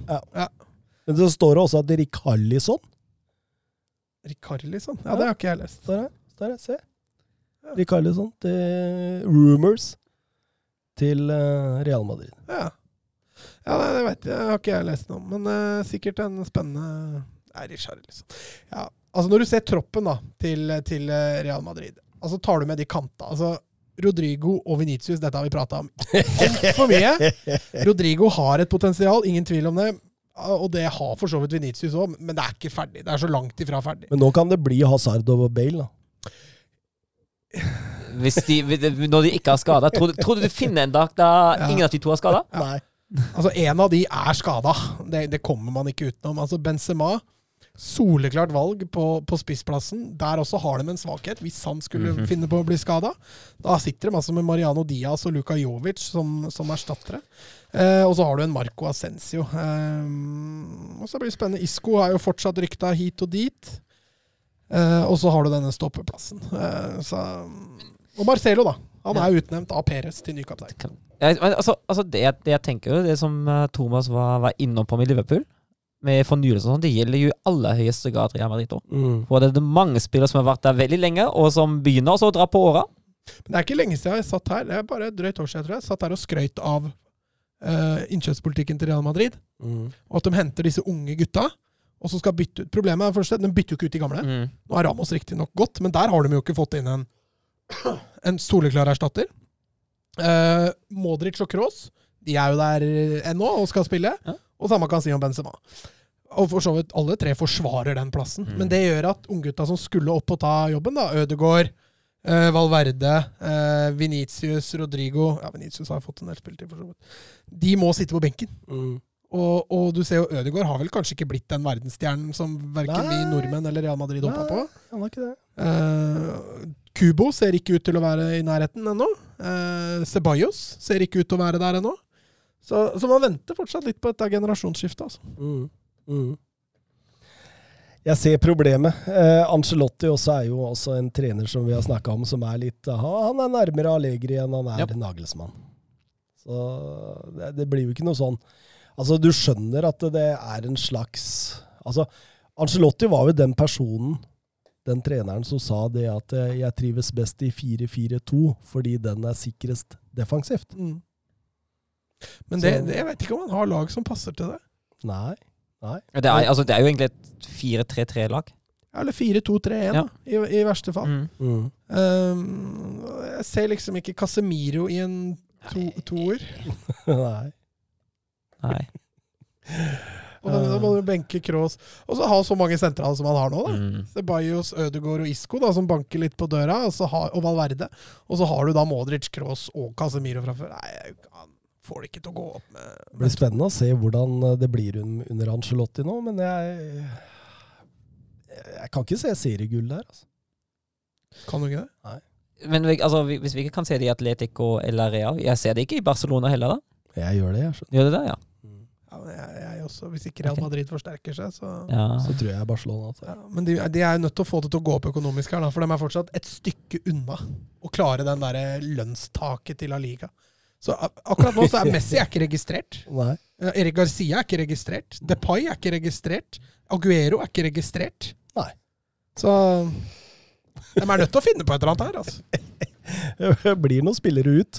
Ja, det gjør de jo. De har jo allerede begynt. Den sjauen, eh, det er det ingen tvil om. Men, men de spillerne de virkelig trenger å få ut, da, typ Pjanic, Coutinho Kanskje de, de to De med høye lønn. Ja, De Ja. som kanskje er viktigst å få ut, som kanskje vil løse hele floka, de får de trøbbel med å selge. Nei, Jeg tror det blir veldig spennende i La Liga, men det er ikke fordi de lagene har sånn veldig høy kvalitet. Ja, men Sevilla, da? Hvis du ikke, hvis du ikke ser seriegull i verken Real Nei, jeg, jeg vet ikke Nei, altså, jeg Søren så ikke ser i nå. Nei, nei jeg, jeg bare sier hvis, hvis ikke, hvis ikke du. Ja, nei, jeg vet ikke. Det blir vanskelig. Det, det altså. blir vanskelig. Altså, det blir jo Jeg føler at det blir, kan bli et uh, dødt løp mellom de tre ganske lenge. Ja, de fire til og med, kanskje. Ja, hvis det. Hulen Lopetegi fortsetter eh, jobben sin. Nå er, jo, nå er det jo tidlig, og det er jo fortsatt over en måned igjen av overgangsvinduet, så mye kan jo skje, for all del. Ja, men det, det som bekymrer meg med disse spanske lagene spesielt, da, det er at det, det virker ikke som det er overvettig mye penger der. At det, det på en måte eh, Der hopper man på de gratis, eller de man kan gjøre en byttedeal på, i så fall. Mm. Ja, Altså, så, som Mats sier nå, at det, når Depay og Aguero og de ikke er registrerte, Mm.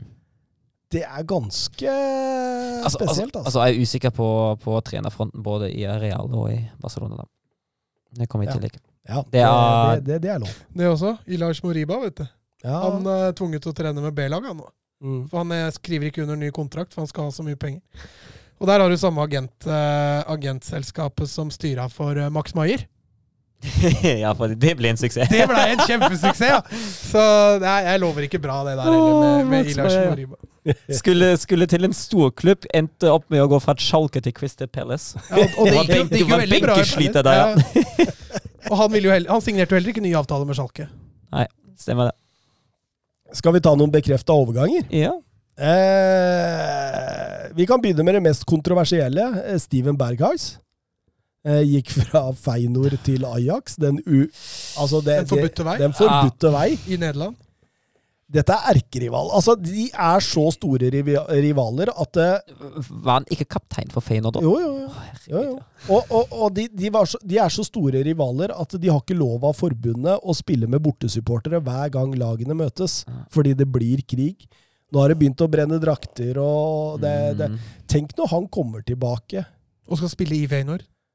Ja, for Ajax. det ikke pent. bare hjemmesupportere. Åh, Han får, han får ikke hyggelig 90 minutter.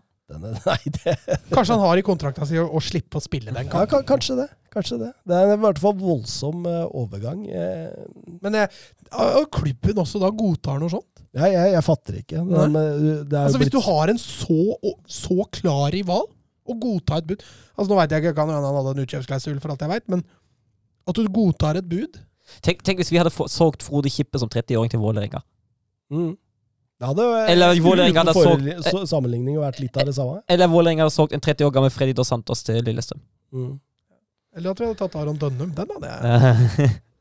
Albert eh, Sambi Lokonga blei klar for Arsenal. Ja. Eh, viktig spiller inn. En sånn boks-til-boks-spiller. En, eh, en eh, Yven Bo- Busema Light, som vi snakka om. Ja, altså, Eh, altså, kult Arsenal-kjøp, da. Ja, veldig, veldig eh, ung, belgisk, eh, fremtidsretta og kommer med gode skussmål fra Vincent Company. Så eh, veldig spennende type. Jeg tror dette kan bli et uh, veldig bra kjøp, faktisk, for Arsenal. Um, Wolverhampton bytta keeper. Ja. Mourinho fikk en ny keeper også. Ja. Rui Patricio til Roma, som gjorde at uh, José Sa kom til Wolverhampton. Altså Jorge Mendes-keepere, begge to. ja, overraskende, det. Han tjente litt penger i sommer der, han. altså. Ja. Filipe Andersson gikk tilbake til Lazio. Og det, det, altså, han ble henta til Westham fra Lazio for 38 millioner euro i 18-19-sesongen. Og er solgt tilbake denne sommeren for tre. Litt sånn Pogba-historien du hadde sist. Det du finner litt sånne hyggelige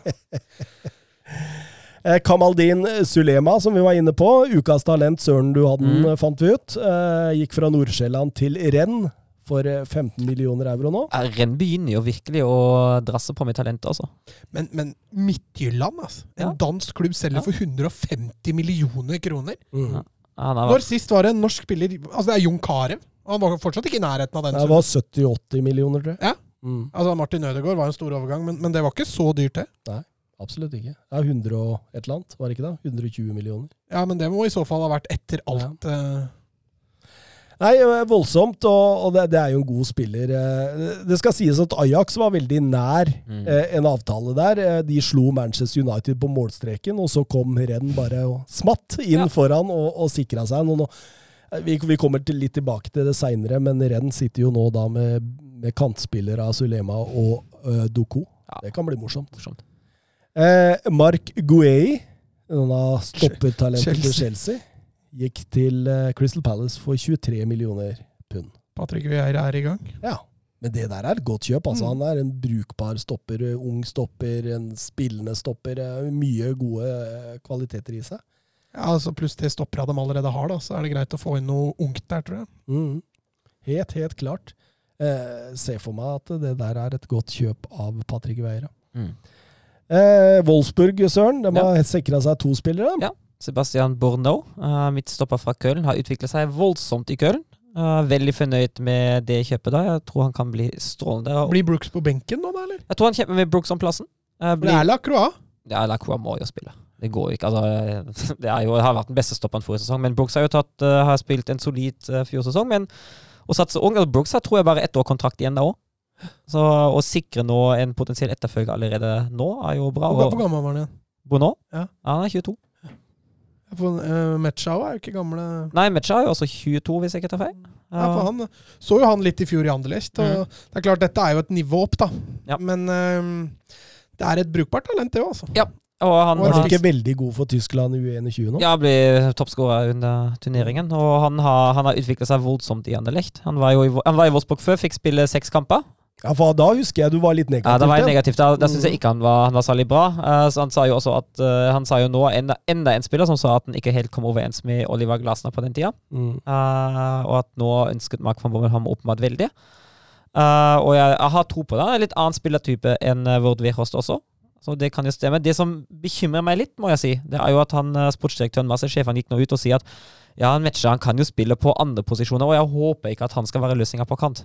Nei, ikke sant. det er litt sånn, det var en sånn tradisjon i Wolfsburg for at nei, han kan jo spille da, og så det blir vår toppløsning, de. Mm. Så det, det må ikke skje. Det trengs i hvert fall to nye kanter inn nå. Mm. Og Mats, du snakker om at de spanske ikke har penger, men Via Real har punga ut eh, 12 millioner euro, dem på Bolaye Dia fra Stadren. Mm. De har jo også henta Foyt Mm. permanent fra Ja. Tottenham. Mm. Så, så Villarreal har jo, har jo Men det er også en veldig godt drevet klubb, da. Ja. Eh, og du skal ikke se bort ifra at det blir et salg der, altså, for i løpet av, eh, i løpet av overgangsvinduet. Pau Torres. Nei, Jeg tror ikke han forsvinner, men uh, at det blir kan, altså Jeg håper jo ikke de mister noen, da, for dem sin del. Men Chukwese og, og Pau Torres er jo to spillere som kan være bli forsvinne. Litt spennende. Vår tidligere ukas talent, eh, talent eh, Sebastiano Esposito. Eh, jeg og Mats vi satt oss i bilen for en stund siden, og så slo vi på en gammel Husker du jeg sang 'Esposito'? Vi lurte begge. Hva i alle dager er Hva er det der for noe?! Han har gått til Basel! På Basel lån. i Sveits, ja. Ja, Ja. Så det blir spennende å se om han finner riktig utviklingsarena. Ja, for han uh, falt jo litt igjennom under Conte. Eller falt igjennom, kanskje litt dumt å si om en unggutt, men uh, det blei be veldig begrensa med spilletid uh, sist sesong under Conte. Mm. Calvin Stengs, denne store, eller mye omsnakka høyrekanten på Aset, er klar for NIS og godeste Christophe Galtier. Det er spennende kjøp av Det er Galtier. Han har jo også sikra seg Toddy Baa. Så han eh, driver og bygger nytt der. Vi Mm. kommer tilbake til det. Eh, Siste eh, Vi har jo snakka om denne gamle stopperekka til Belgia nå. Bourneau, som du var inne på, er jo belgisk, og en annen også. Sino Fanhausen er nå klar for eh, Inter Milan for 16 millioner euro. Det er en stopper som har vært der tidligere. Blitt sendt tilbake til Standard Liège og har resignert nå på en utkjøpsklausul. Så veldig spennende stopper det også. Så det, det, det gror likevel i dette belgiske landet. Mm. Eh, litt grann rykter. Eh, litt Twitter-spørsmål og diverse. Det må vi jo eh, også ha mot slutten her. Jeg skal bare finne fram disse Twitter-spørsmåla, for det, det, det er ikke alltid like lett. Eh, vi kan begynne med eh, van Dahl. Virker som Arsenal har forandra overgangsstrategi. Hva tenker dere om ungt og sulten fremfor gammelt og sultent? og så har han lagt på et bilde av William med ganske stor mage. Ja, det er et herlig bilde. William, William, Ja, har hengt med i den så- som jeg sier. Ja, men, men han, han, ser nest, han ser verre ut Ja, altså, på det bildet der. Altså, han er frykt, enten utrolig uheldig med timinga på det bildet, og hvor det er tatt fra, og lyset og alt det der. Men han sier jo det at et kamera tilfører jo noen kilo, da. Damene sier det, i hvert fall. Ja, Men hvor mange kameraer er det egentlig på han der? Ja, det, det, han, han har kosa seg i sommer, altså. Veldig. Han har ikke spilt Kåpan. Det har han i hvert fall. Det er i så fall, det er i så fall på Fifa. Eh, Arsenal eh, Det snakkes jo hele tida om at Beirin kommer til å gå til Inter. Og at eh, Max Arons er uh, ønska av eh, Arsenal. Kan få Nagelsmann-konkurranse, ifølge enkelte Ja. rapporter. Det hadde jo vært akkurat Jeg tenker Det har vært en sånn type spiller som Bayern absolutt kunne hatt behov for. På høyrebekk. Vi har vært inne på de svakhetene der. Så det hadde vært positivt for Bayern. Ellers så ser det ut som Arsenal også nå eh, punger ut 50 millioner pund for Ben White. Spennende, ja. Men altså Men, men er ikke det en li... Altså, husker du vi satt her for et år siden, Mats, og snakka om at nå burde topplaga hente Ben White for 25-30? mm. Ingen gjorde det, og, og, og nå er det 50, da! Ja, det er sånn som skjer. Må begynne å høre på 90 minutter! Men, men for et kjøp av Arsenal. Og jeg synes, altså den overgangen passer litt fint, da. Mm. Eh, Det er litt sånn arsenalsk over det. eh, Og veldig sårt tiltrengt. Altså, han er så nydelig stopper, altså. Mm. Måten han liksom kan bryte. Han er god i duellspillet, han er god med ball i beina. Et, altså, Uredd. Ja, ja. En, en, en strålende stopper, for all del. Men, men jeg får litt vondt når du betaler 50 millioner pund for den etter en god sesong i Leeds på lån, og en god sesong i Brighton. Ja, men det, det er liksom sånn det blir engelske tillegg, og de koster jo gjerne litt ekstra. Da.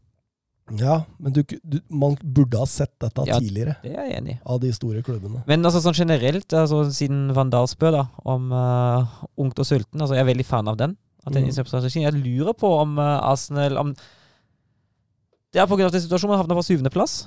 Uh, man spiller ikke internasjonalt. Det er egentlig seks klubber som ligger foran eh, i hakkordningen nå i, uh, i Premier League. Man kan ikke konkurrere om de store stjernene. Man kan ikke konkur kanskje ikke konkurrere om hulla under engang, og at det på en måte er tvunget å gå den vei.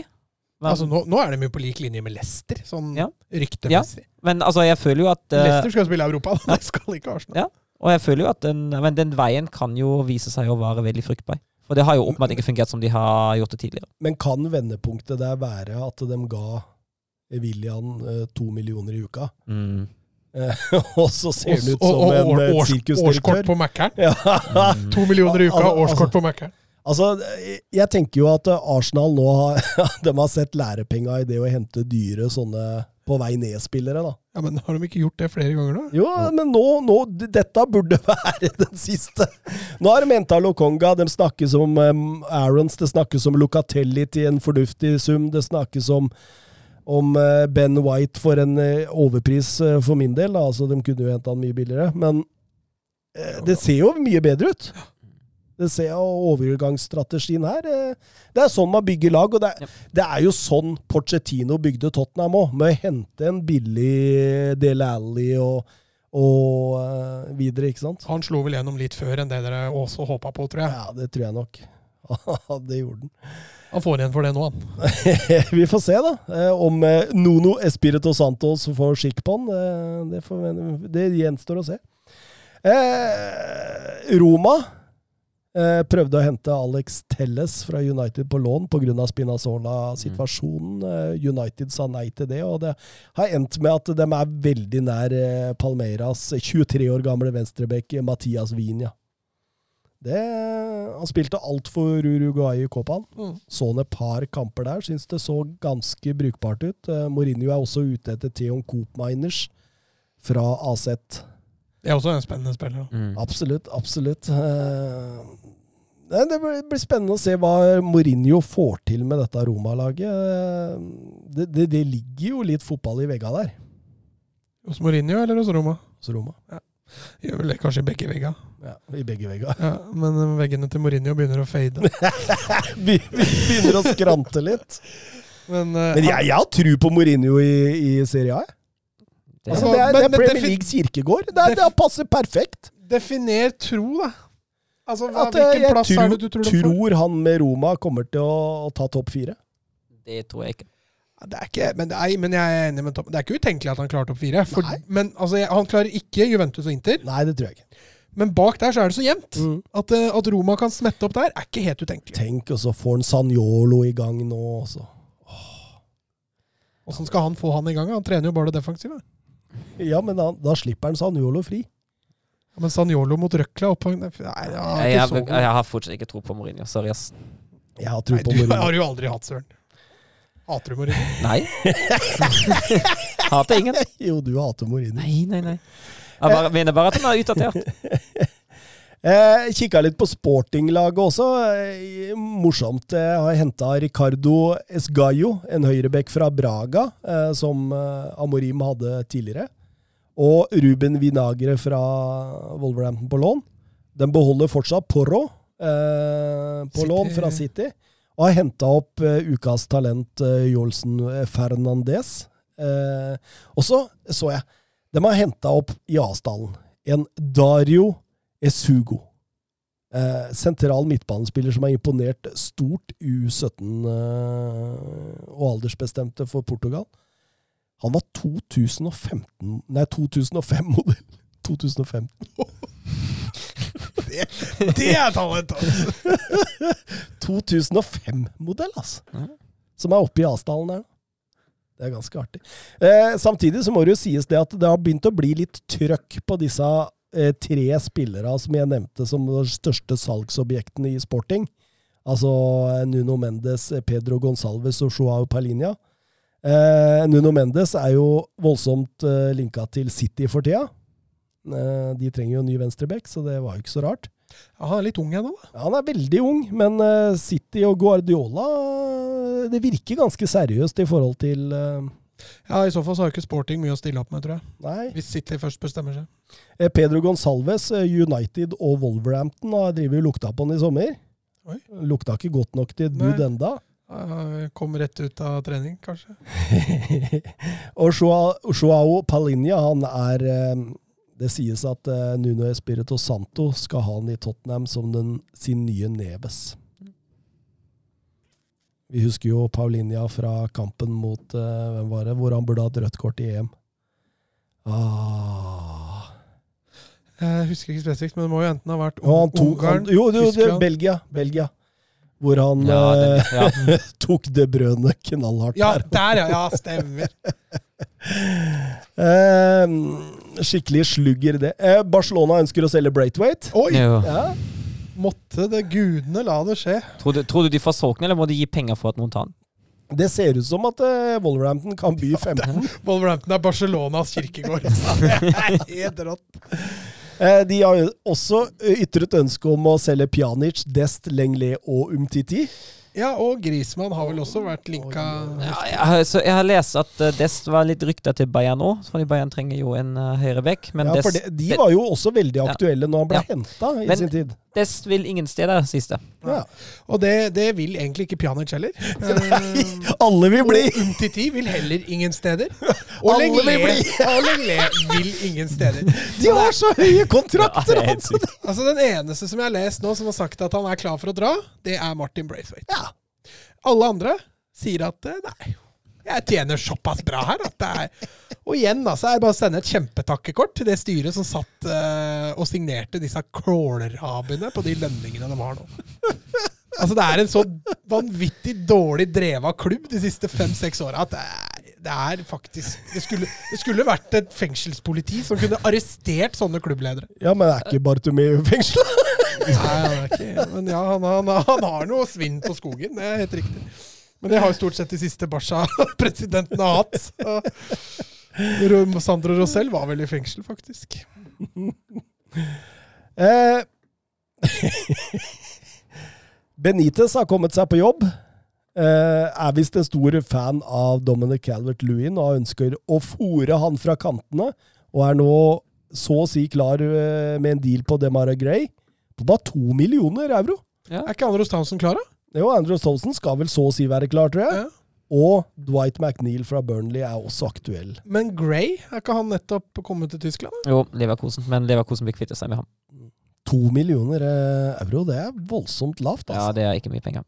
Men hvorfor er, er, Oppfører han seg ikke fint, eller? Nei, jeg veit ikke. Jeg tror de det, det, er, det, er både, det er snakk om at både Gray og Vendelen nå skal ut, altså venstrebekken der. De mener vel at den ikke har nådd helt de forventningene de hadde til den. Nei, nei, men, men hvis du finner ut det etter et halvt år, så har scoutinga gjort en dårlig jobb, ass.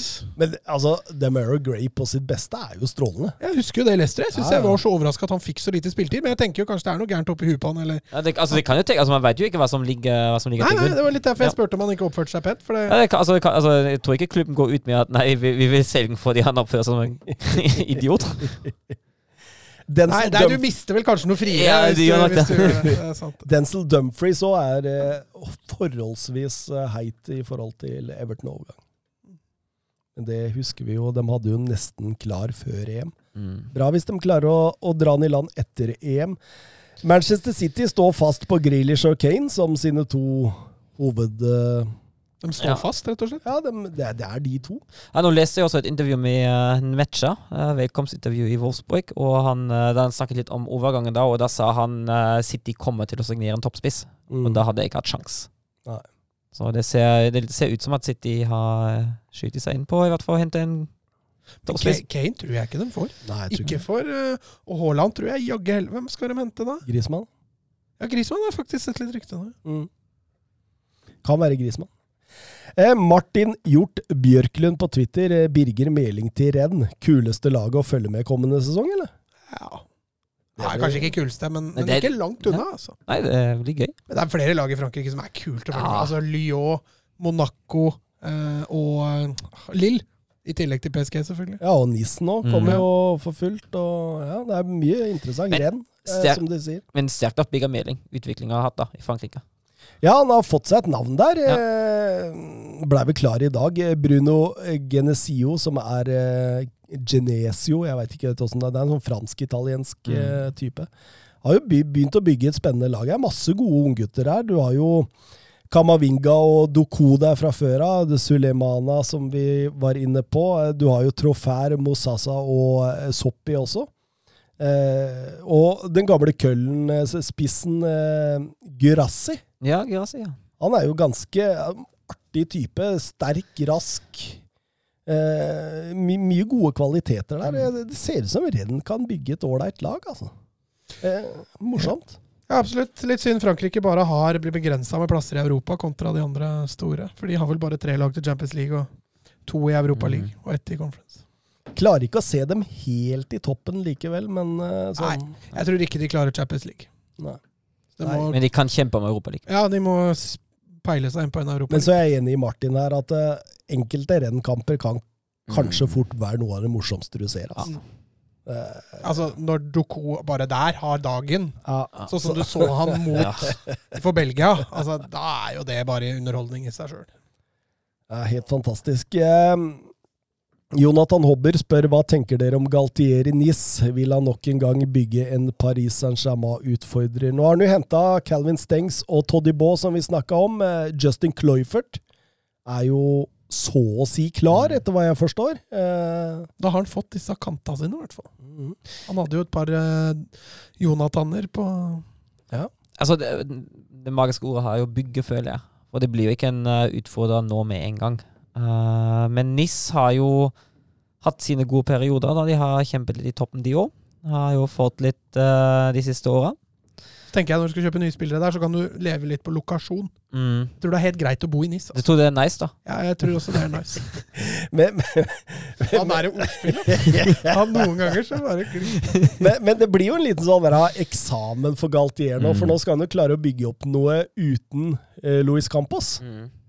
Eh, men jeg syns det ser bra ut. altså NIS-laget ser også veldig bra ut. Kasper Dolberg og Amin Gori på topp. Er ikke noe dårlig, det. Gori er jo Ja. strålende.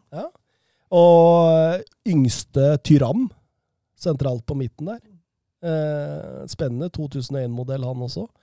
Eh, så det finner mye kvalitet, men i likhet med renn, da, så er det veldig mye ungt og veldig mye litt sånn uferdig. Det kan bli veldig morsomt og, til tider og sånt, men det er jo som Søren sier, du bygger lag her, og veldig tidlig ennå. Men uh, spennende, spennende start. Veldig. Uh, Glenn Weber, hvordan tolker dere Jesse Mars sin uttalelse om Sørloth? Ja, ikke bra for Sørloths framtid i uh, Leipzig.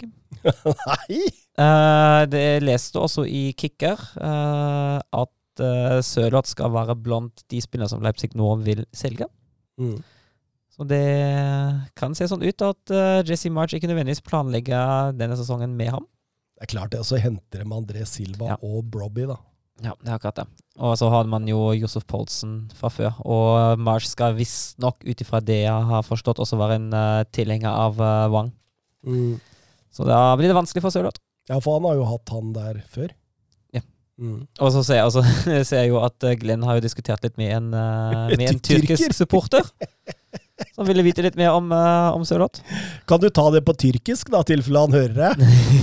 Nei, jeg kan ikke et ord tyrkisk. For, for det der er standingen Sørloth har i Tyrkia. Den er jo spinnvill. Ja, den er helt sjuk. Hver gang det er snakk om noe, så er tyrkerne der med en gang og skal ha han Trabzonspor, var det? Ja. Mm. Skal ha han ned dit, altså. Det er, eh, nei, han har en eventyrlig standing der nede. Hver gang han poster et innlegg på sosiale medier, så kommer det 'Kom til Transport', 'Kom til Transport' overalt. Det er nydelig. Nydelig. Eh, Fabrizio Romano eh, skrev i dag at eh, Tottenham og Sevilla er enige om Brian Gill. Eh, Tottenham skal betale 25 millioner euro og Erik Lamela for den. Og da spør Petter Støvland åssen type er det, Mats? Ja, det, det er i så fall en fryktelig dårlig deal for Sevilla, syns jeg. Eh, altså, Brian Hill er et uh, veldig spennende talent. Fikk jo debuten sin for Spania nå uh, før EM. Uh, hvis jeg kan sammenligne han med noe, så, så er han jo en, en slags høyrebeint Farhan Torres. Tror den sammenligninga. Han er dribleglad, løpssterk. Kanskje mangler litt sluttprodukt ennå, men han er jo fortsatt ung. Så jeg vil i hvert fall synes det har vært veldig merkelig for Sevilla. En, en god signering for Tottenham, selvfølgelig, som mister en skadeplaga Lamela i tillegg. Og som Sevilla da vil få, så jeg tror Tottenham sitter godt igjen med, den, med en sånn avtale. Paratisi på jobb, altså. Ja, jeg vil påstå det. Eh, Jeg tror i hvert fall Det virker som Brahim er veldig undervurdert i Sevilla. Mm. Eh, Han hadde en god sesong nå i Eibar. Har vel spanske landskamper? Jeg sa jo, Han debuterte Ja, jo for Spania før EM. Ja, Med fem òg, tror jeg. Fem-seks landskamper. jeg fikk inn et par, da, kanskje. Ja, jeg vet ikke. Eh, og så Nei, vi får se. Jeg, jeg tror i hvert fall at det er en veldig god signering for, for Tottenham. Og så får vi se hvordan han spiller, da, godeste Nuno Espirito Santo. For spilleren med tre framme, så er jo Gill en god signering. Mm. Spilleren med to framme, da veit jeg ikke helt hvor han skal uh, plassere. Mm. Uh, Peter Støvland spør i tillegg hva, synet, hva, hva ryktes til Spurs for tiden. og det er, altså det er lettere å si de som ikke ryktes. Eh, Messi, Ronaldo, Neymar. Neymar kanskje, og Mbappe. Sånn. Resten er rykta! det er voldsomt, men det virker som Golini fra Atalanta så å si er klar. Eh, virker som eh, de bygger mye rundt å hente noen nye stoppere, bl.a. Cristiano Romero og Demiral fra Juventus. Eh, Yasso fra Bologna er også sterkt linka, linka i tillegg til eh, Luca Pellegrini i Roma. Eh, så er det disse som går igjen, da. Awar, eh, Danny Ings, eh, Ols Condé, som alltid er med, liksom. Så, eh, men eh, mye kommer til å skje, tenker jeg. Mm, Kristoffer Ayer er så å si klar for Brentford. Spennende. 130 millioner kroner. Brentfords danske trener Thomas Frank som henter den. Eh, Kan jo være en viss sikkerhet i det òg, at det er et nordisk aspekt i dette laget, Mats. Ja da, og, eh, men allikevel en liten gambling, for Brentford er vel en av favorittene til å rykke rett ned igjen. Ja. Um, så får vi se, men allikevel, da, hvis Ayer skulle levere en god sesong, uavhengig om eh, Brentford rykker ned eller ikke, så, så vil han jo antakeligvis få muligheter. Men du ser jo nå Sander Berge. Fortsatt ikke kommet seg løs fra Sheffield United. Eh, og han er faktisk for god altså, til å spille championship. Absolutt. Eh, jeg syns jo at Brentford-linken er ganske artig, fordi altså, de har vært veldig flinke med spillerutvikling der den siste tida. Altså Ollie Watkins, eh, Ben Rama, Enstrikonsa kommer jo alle derfra. De har et morsomt lag nå. Ivan Tony som den store, store, Mm. store spilleren som Var et par dansker der òg. ja, et par, tre, fire, fem, seks. De henta vel en dansken i dag, så vidt jeg veit. Jeg husker ikke helt navnet på han. En afrikaner som kom fra Det var der Ove Røsler var. Ja. Og nesten greide å rykke opp. Helt riktig. Helt riktig. Eh, Sandra HJ. Hva tenker dere om Villa neste sesong? Det ser jo veldig bra ut. Det gjør det. Avhenger litt av Grealish. Skulle Grealish finne på å bli, Mhm. Så er Villa Altså med Buendia og Nei, det ser eh, Offensivt ser det kult ut, altså. Ja, altså jeg, jeg satte opp en liten elver her nå. Så det er Emi Martinez, Cash, Mings, Konsa, Target eller Young på venstrebekken. Meling hadde fort uh, gått inn. altså Nå er han jo klar for renn, det bør jo være en liten Han statement gir her. seg eh. ikke, Han gir seg ikke, nei. Han gir seg ikke. Eh, eh, Douglas Louise, eh, John McGinn og Morgan Sanson på eh, indreløpere og Sentralen. sentralen. Buendia, Grealish og Watkins på topp. Og så er de linka til Emil Smith-Roe, Harry Winks og Tammy Abraham så langt. Men har ikke, Chelsea avslått den Abraham-greia? Nei, Chelsea har gjerne lyst til å bli kvitt Ja, men det virker som de nesten prøver å bytte den bort. Ja, de prøvde også å bytte den bort til Dortmund. Ja, ja, de brukte han Ja. som en sånn derre Chelsea er også ute etter Declan Rice eh, og Sasa Kalajic. Ja. Ja, Nå det begynner de å gå nedover i Bundesliga-ranken. ja, de gjør jo altså Fra Haaland til Kaleizers det er et stykke. Altså, Kaleizers er jo en spennende spiller, men uh, er jo en litt annen spillertype. Men er ikke han ganske lik Ta Tammy Abraham? Ja, det er akkurat det. Litt Ja. sånn, litt sånn den, som jeg skulle frem til. Han er jo ikke helt uh, Haaland-typen. Han er jo litt som Abraham, eh, kanskje litt Giroud-typen. Ja. Det blir mye morsomt framover. Jeg tror det overgangsmarkedet. Det, det trenger noen sånne skikkelige bomber.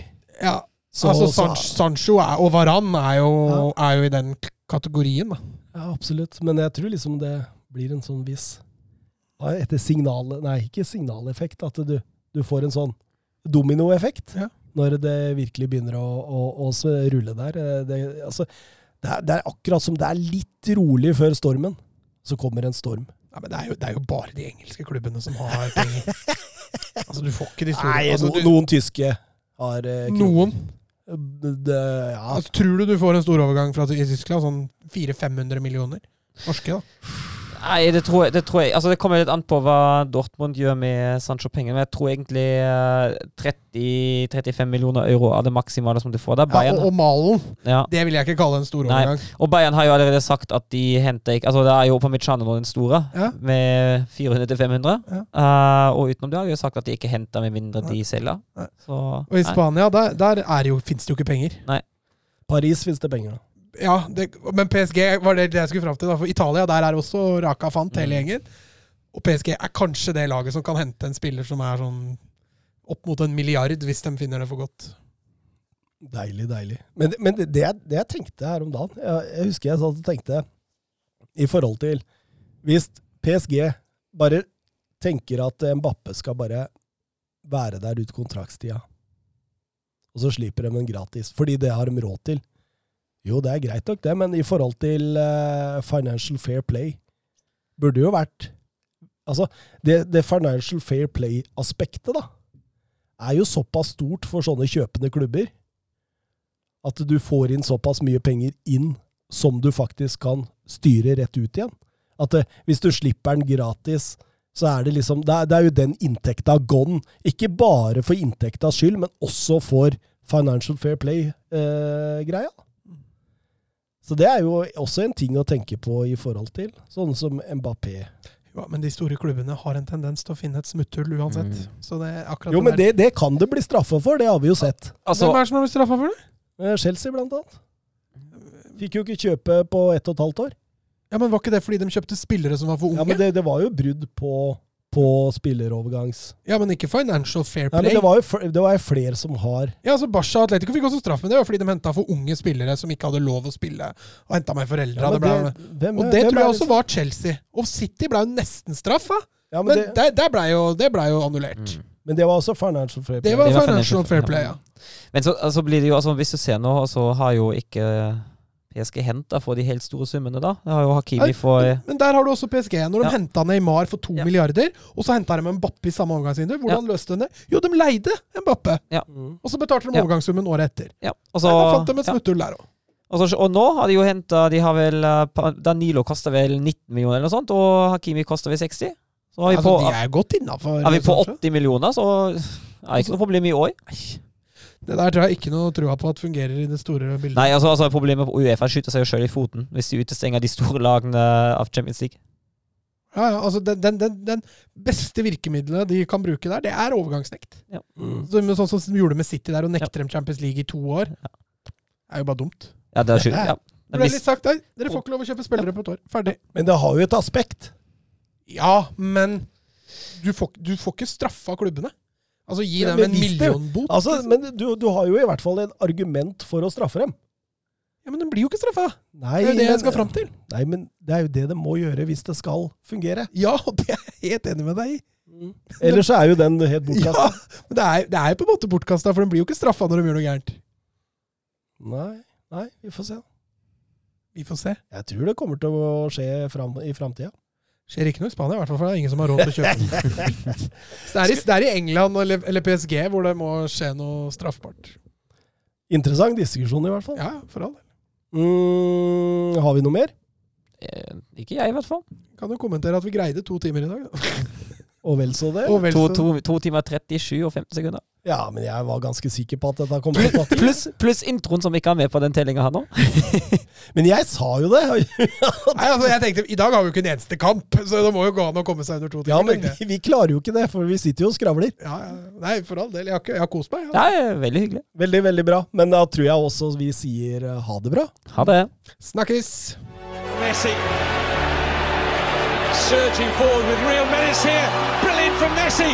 Oh, what a goal